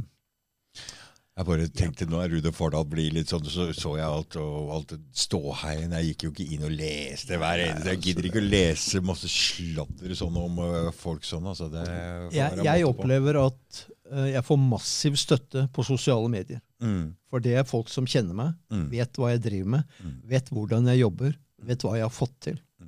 Ikke sant? Og det, det kontra noen som er helt ukjente for meg altså Who cares hva de mener? Altså Folk har så mye meninger om så mye i dag. mm, Jeg forholder meg til å ha meninger om folk som jeg faktisk har et grunnlag for å tro på. mm. Og media er ikke akkurat kjent for troverdighet, for å si det mildt. Altså. Nei, de har eh, i løpet av de siste årene si sånn, jeg, jeg, jeg drar ikke opp skammen av å lese VG, liksom. Nei, nei, altså når det viser seg nå at uh, 40% stoler ikke på media eller i USA lenger Ja. eh, Etter den valgkampen etter 20, altså Vi har masse ting her. og det, Jeg vet ikke hvordan det ligger an her i Norge, men om vi har en 15-20% som er kritisk til media, det tror jeg kanskje Så Nor Norge er jo et av de mest konforme land i verden. ikke sant? Mm. ja. Det er jo gjort undersøkelser på. Det er vel bare Nord-Korea og, og Venezuela som ligger over oss. ikke sant? Mm. Og, og det er jo en holdning som er bygd opp i befolkningen gjennom Mm. politiske vedtak. Eh, stol på oss, vi er liksom verdensmestere, og vi gjør alt for deg, og bla, bla, bla. Altså, altså, ta eksempel tilliten til domstoler. Mm. Altså, Noen ganger spør jeg har de folka vært i en domstol noen gang. liksom?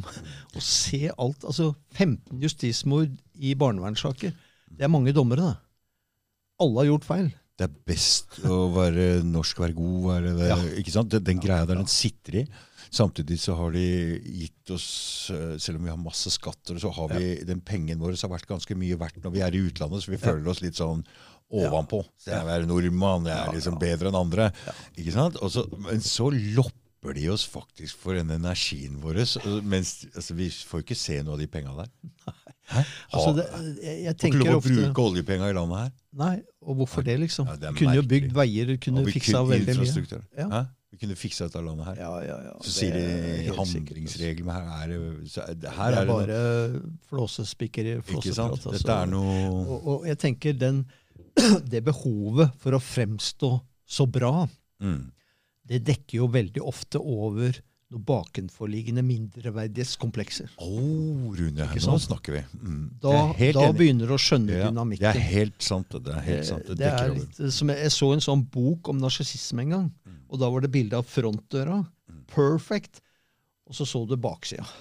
Råtten, gammel dør. Det er motsatt. Altså det er motsatt. Mm. Når det er så stort behov for å fremstå grandios, Mm. Så er det min... Så er det, så er det noe satt bak Helt som denne fasaden skal dekke opp for. helt, helt enig. Jeg, Det er nok, altså Når du ser hvordan norske politikere egentlig driver, mm.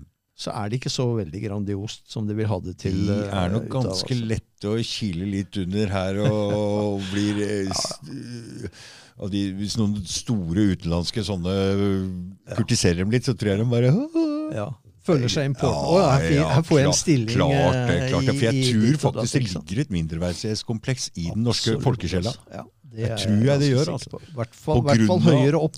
På grunn av at vi har ligget under og vært en koloni her faktisk i 400-500 år, Ja. uten at vi er fullstendig klar over sånne Ja, ja. ord som futen Ja. og fogden. Ja. Det er jo Ja.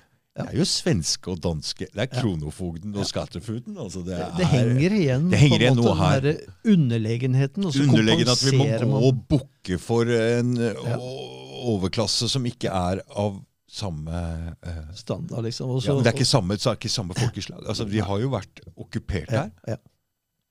Så jeg tror det ligger noe dypt en sånn eh, Ja, altså, i, I sjela så ligger det nok det, fordi det, er ikke så, det står ikke så bra til som de liksom vil at fasaden skal Nei, se ut som. nei. Det, det ser man jo også. Det er jo klart Når 15 dommer i MD dømmer barnevernet, som alt er så fantastisk Oi. Uh, der kommer det altså andre øyne og ser inn, og de ser jo bare et havari. ikke sant? Mm. Og det Så er når klart- Shakespeare said 'Is something rotten in eh, Var det Denmark? Hæ? Ja, altså Ja, det- men eh, den gangen så var det vel eh, kongeriket Danmark-Norge? ja, Var det ikke? Jo, det var vel det. Det var vel det. Eller Nå er ikke jeg historiker, Nei, men men, høyst sannsynlig så eh, så var det det. Ja, men da var det noe råttent her òg, da. Ja, altså det er, Og det er Altså, vekke folk litt til å begynne å tenke selv. Ikke Mm. tro det fordi det sto i avisa, liksom. Mm. For det kan være noen som vil at du skal tro noe fordi de har andre Mm. tanker bak det. Ja, For her er det bare en agenda. Ja, det er jo helt, helt åpenbart en agenda. Altså, det, er jo ikke, det, det er jo ikke journalistikk det VG har gjort mot meg. Mm. Det er en kampanje. Det, Mm. for Hadde det vært journalistikk, så hadde de også spurt ja, får vi snakke med alle disse som du faktisk har gjort noe bra for. ja, ja. Hvor er de? Ja, ja. Men kommer den svære mengden inn, så blir jo disse fem-seks kildene deres. Altså en drapsmann, en torpedo, en eks som er bitter. Eh, ikke sant? Altså par advokater som har horn i sida fordi jeg egentlig har eh, avslørt det. Det, det er jo ikke toppen av uh, troverdighet, altså, for å si det sånn. Og det er derfor det egentlig ikke går innpå meg. Det er et artig sånn psykologisk fenomen for meg. egentlig. Altså, hvordan, hvordan, hvordan tør de? For, for, når dette kommer tilbake igjen, så kommer det jo en mer dokumentert versjon. Og da rakner jo VG, for å si det mildt. så du har ikke tenkt å la den uh, gå helt upåakta hen? Nei, altså de skal få komme opp med bevisene for påstanden sin. Mm. For når du har en person som en rekke personer vet sitter og lyver, og VG ikke spør de andre som vet det, men kjører ham fram liksom som sånn offer, uh, så får VG et problem, altså. Rett og slett. Og, jeg har ikke noe behov for å ta VG, men for meg er det litt sånn altså det, går inn denne faglige tingen. Hvordan kan en så stor avis, så ensidig, og så ensidig kildegrunnlag, bruke så mye ressurser på én mann. Og jeg tenker, da må det være noe annet enn disse to journalistenes interesse for saken. For da hadde de, altså journalistikk, da hadde det vært litt mer ok. Eh, her må vi snakke med noen andre også, som har andre innspill. Og nå har vi hørt de som ikke liker han. Hva med de som liker han? Nei, la oss ikke snakke med de, for da får vi litt feil fokus her, liksom. og, og, det er klart, det, det er ganske interessant. Og da er vi inne på hvilken selvfølelse altså, Hvordan kan noen gjøre sånt? Så ubalansert? Det er interessant psykologi, mm. syns jeg. For nå er det, det, det samme igjen. De, ja. de, de har antakeligvis noe å skjule her? Ja, altså Noen har et behov for å, et karakterdrap på Rund Fardal. Ja. Ikke sant? Og mm. da spør jeg hvorfor. Hvorfor? Ja. Hva mm. er det, Hvilket behov er det egentlig bak mm. denne fasaden mm. som de kjører opp? Mm. Og det Er klart når du kjører... Er det noe du har pirka på nå i den seinere tid som du tror er grunnen til det her, eller altså, er det bare bygd seg opp over lengre tid? De har jo holdt på et år. Ja. Men de har holdt på et år? Med å grave. Ok. Altså, de har hentet ut um, kredittvurdering på meg og min kone, f.eks. Okay, så etter, etter den Hva heter den avisen du sa? Fontene? Ja, Fontene. ja. ja. Det var i våres, var det vel, så vidt jeg husker. ja. Så etter, de gikk jo på trynesesong. Så etter det så har det vært litt Økt graving? Trykk, ja. Litt graving. De begynte nok litt før, for Fontene drev, men så tok jo jeg Fontene med buksa nede da de holdt intervjuet mitt. Okay, ja. For de sa ja, kunne gjerne hatt et intervju. Ja, det var greit, sa jeg. Jeg passer i morgen klokka sånn og sånn. Mm. Og så rigga jeg meg opp med kamera og sendte det intervjuet live. Ja. Uten at de visste om det. Oh, ja. Og dagen etterpå så kom jo disse artiklene, ikke sant? og så blir de dømt i Pressens faglige utvalg. Så hvis du går inn på Fontene og søker Fardal, så kommer de artiklene opp, og der ligger også advarselen fra PFU. Mm. Og da ser det jo ikke så pent ut. Nei. Og kanskje lærte VG noe av dette, og så har de gravd enda mer for å finne enda mer skitt. liksom. Men det er jo akkurat det samme om igjen, på en måte. Men i litt større format. Så får vi se da hvor mye hold de har i påstandene.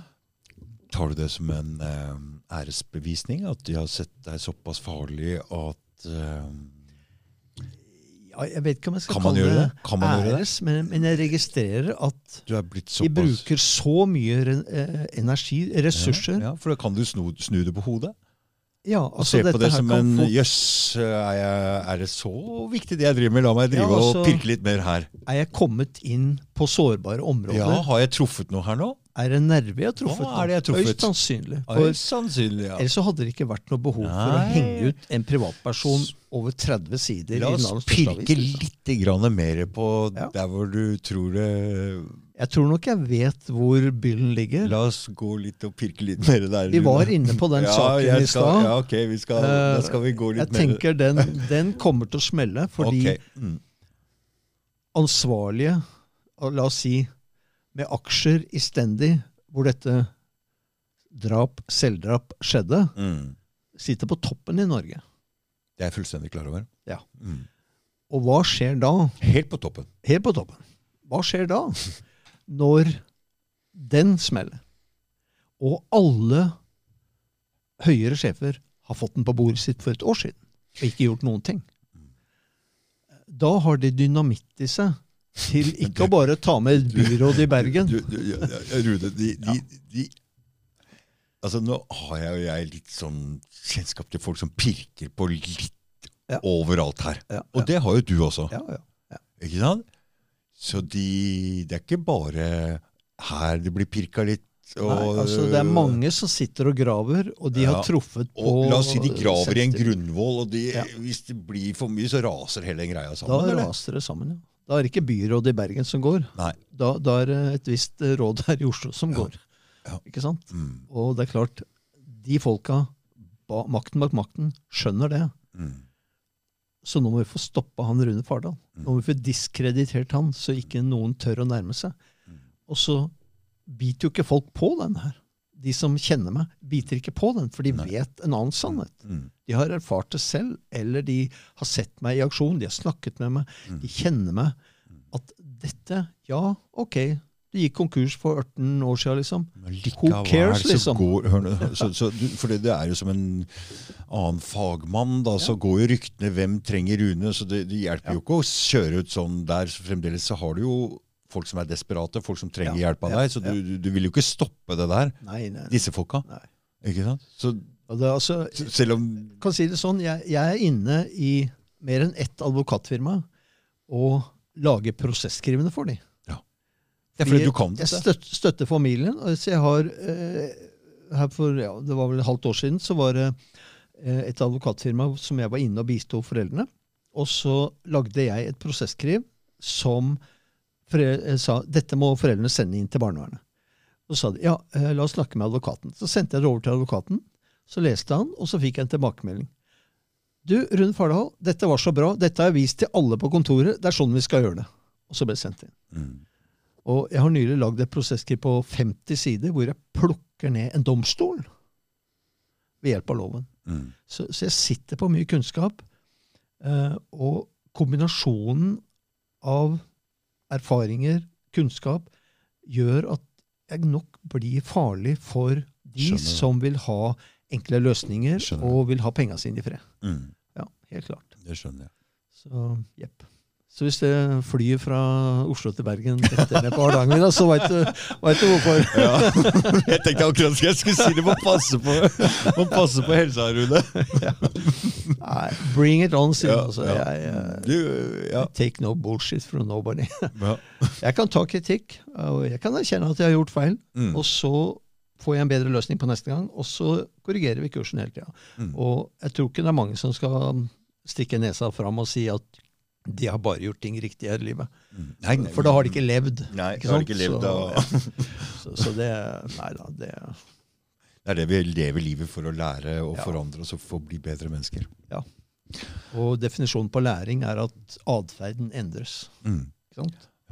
Og da går det riktigere og riktigere. Og forbedringspotensialet er eh, som regel ganske stort. I barnevernet, i hvert fall. Ja, men blant alle mennesker Ja, altså, alle, altså. alle kan gjøre ting annerledes. Ja. Og så har du dette med at noen vurderer deg på altså Hvilket perspektiv er det som ser det? De kan se samme tingen og tolke det vidt Ja, forskjellig. ikke sant? Som vi sa, i det, begge ting kan være riktig. Ja, ja, Mm. helt klart. Ja. Så alles oppfatning er på en måte verdifulle. altså, subjektive oppfatninger er jo greit, men du må korrigere kursen for deg sjøl. Liksom. mm. Ta imot innspill, ok, ok, og så gjør du en egen vurdering. Men hvis du ikke har troa på deg sjøl, ja, jeg gjør det, altså så ikke jeg føler skam eller får skyld, eller så, så blir du helt sånn nev nevrotiker. vet du. Mm. Så, nei da, jeg sliter ikke akkurat med det. da. Skal vi gi oss, eh, Rune? Ja. Det er jo Jeg ser ikke hva klokka ti over fire? To, timer og tyve, det er ok, det er bra. Takk for at du kom, Rune. Det Det, var- veldig hyggelig. Det var, eh, det var eh, Jeg syns det var interessant. Og, like måte. Ja, for, Vi må ha flere sånne diskusjoner i det offentlige ja, rommet. for vi fikk løfta på en del ting. Jeg syns det var en bra også. samtale. Ja. Tusen takk. Jo, takk skal du ha. Ha det. Å, blir svett i øra òg.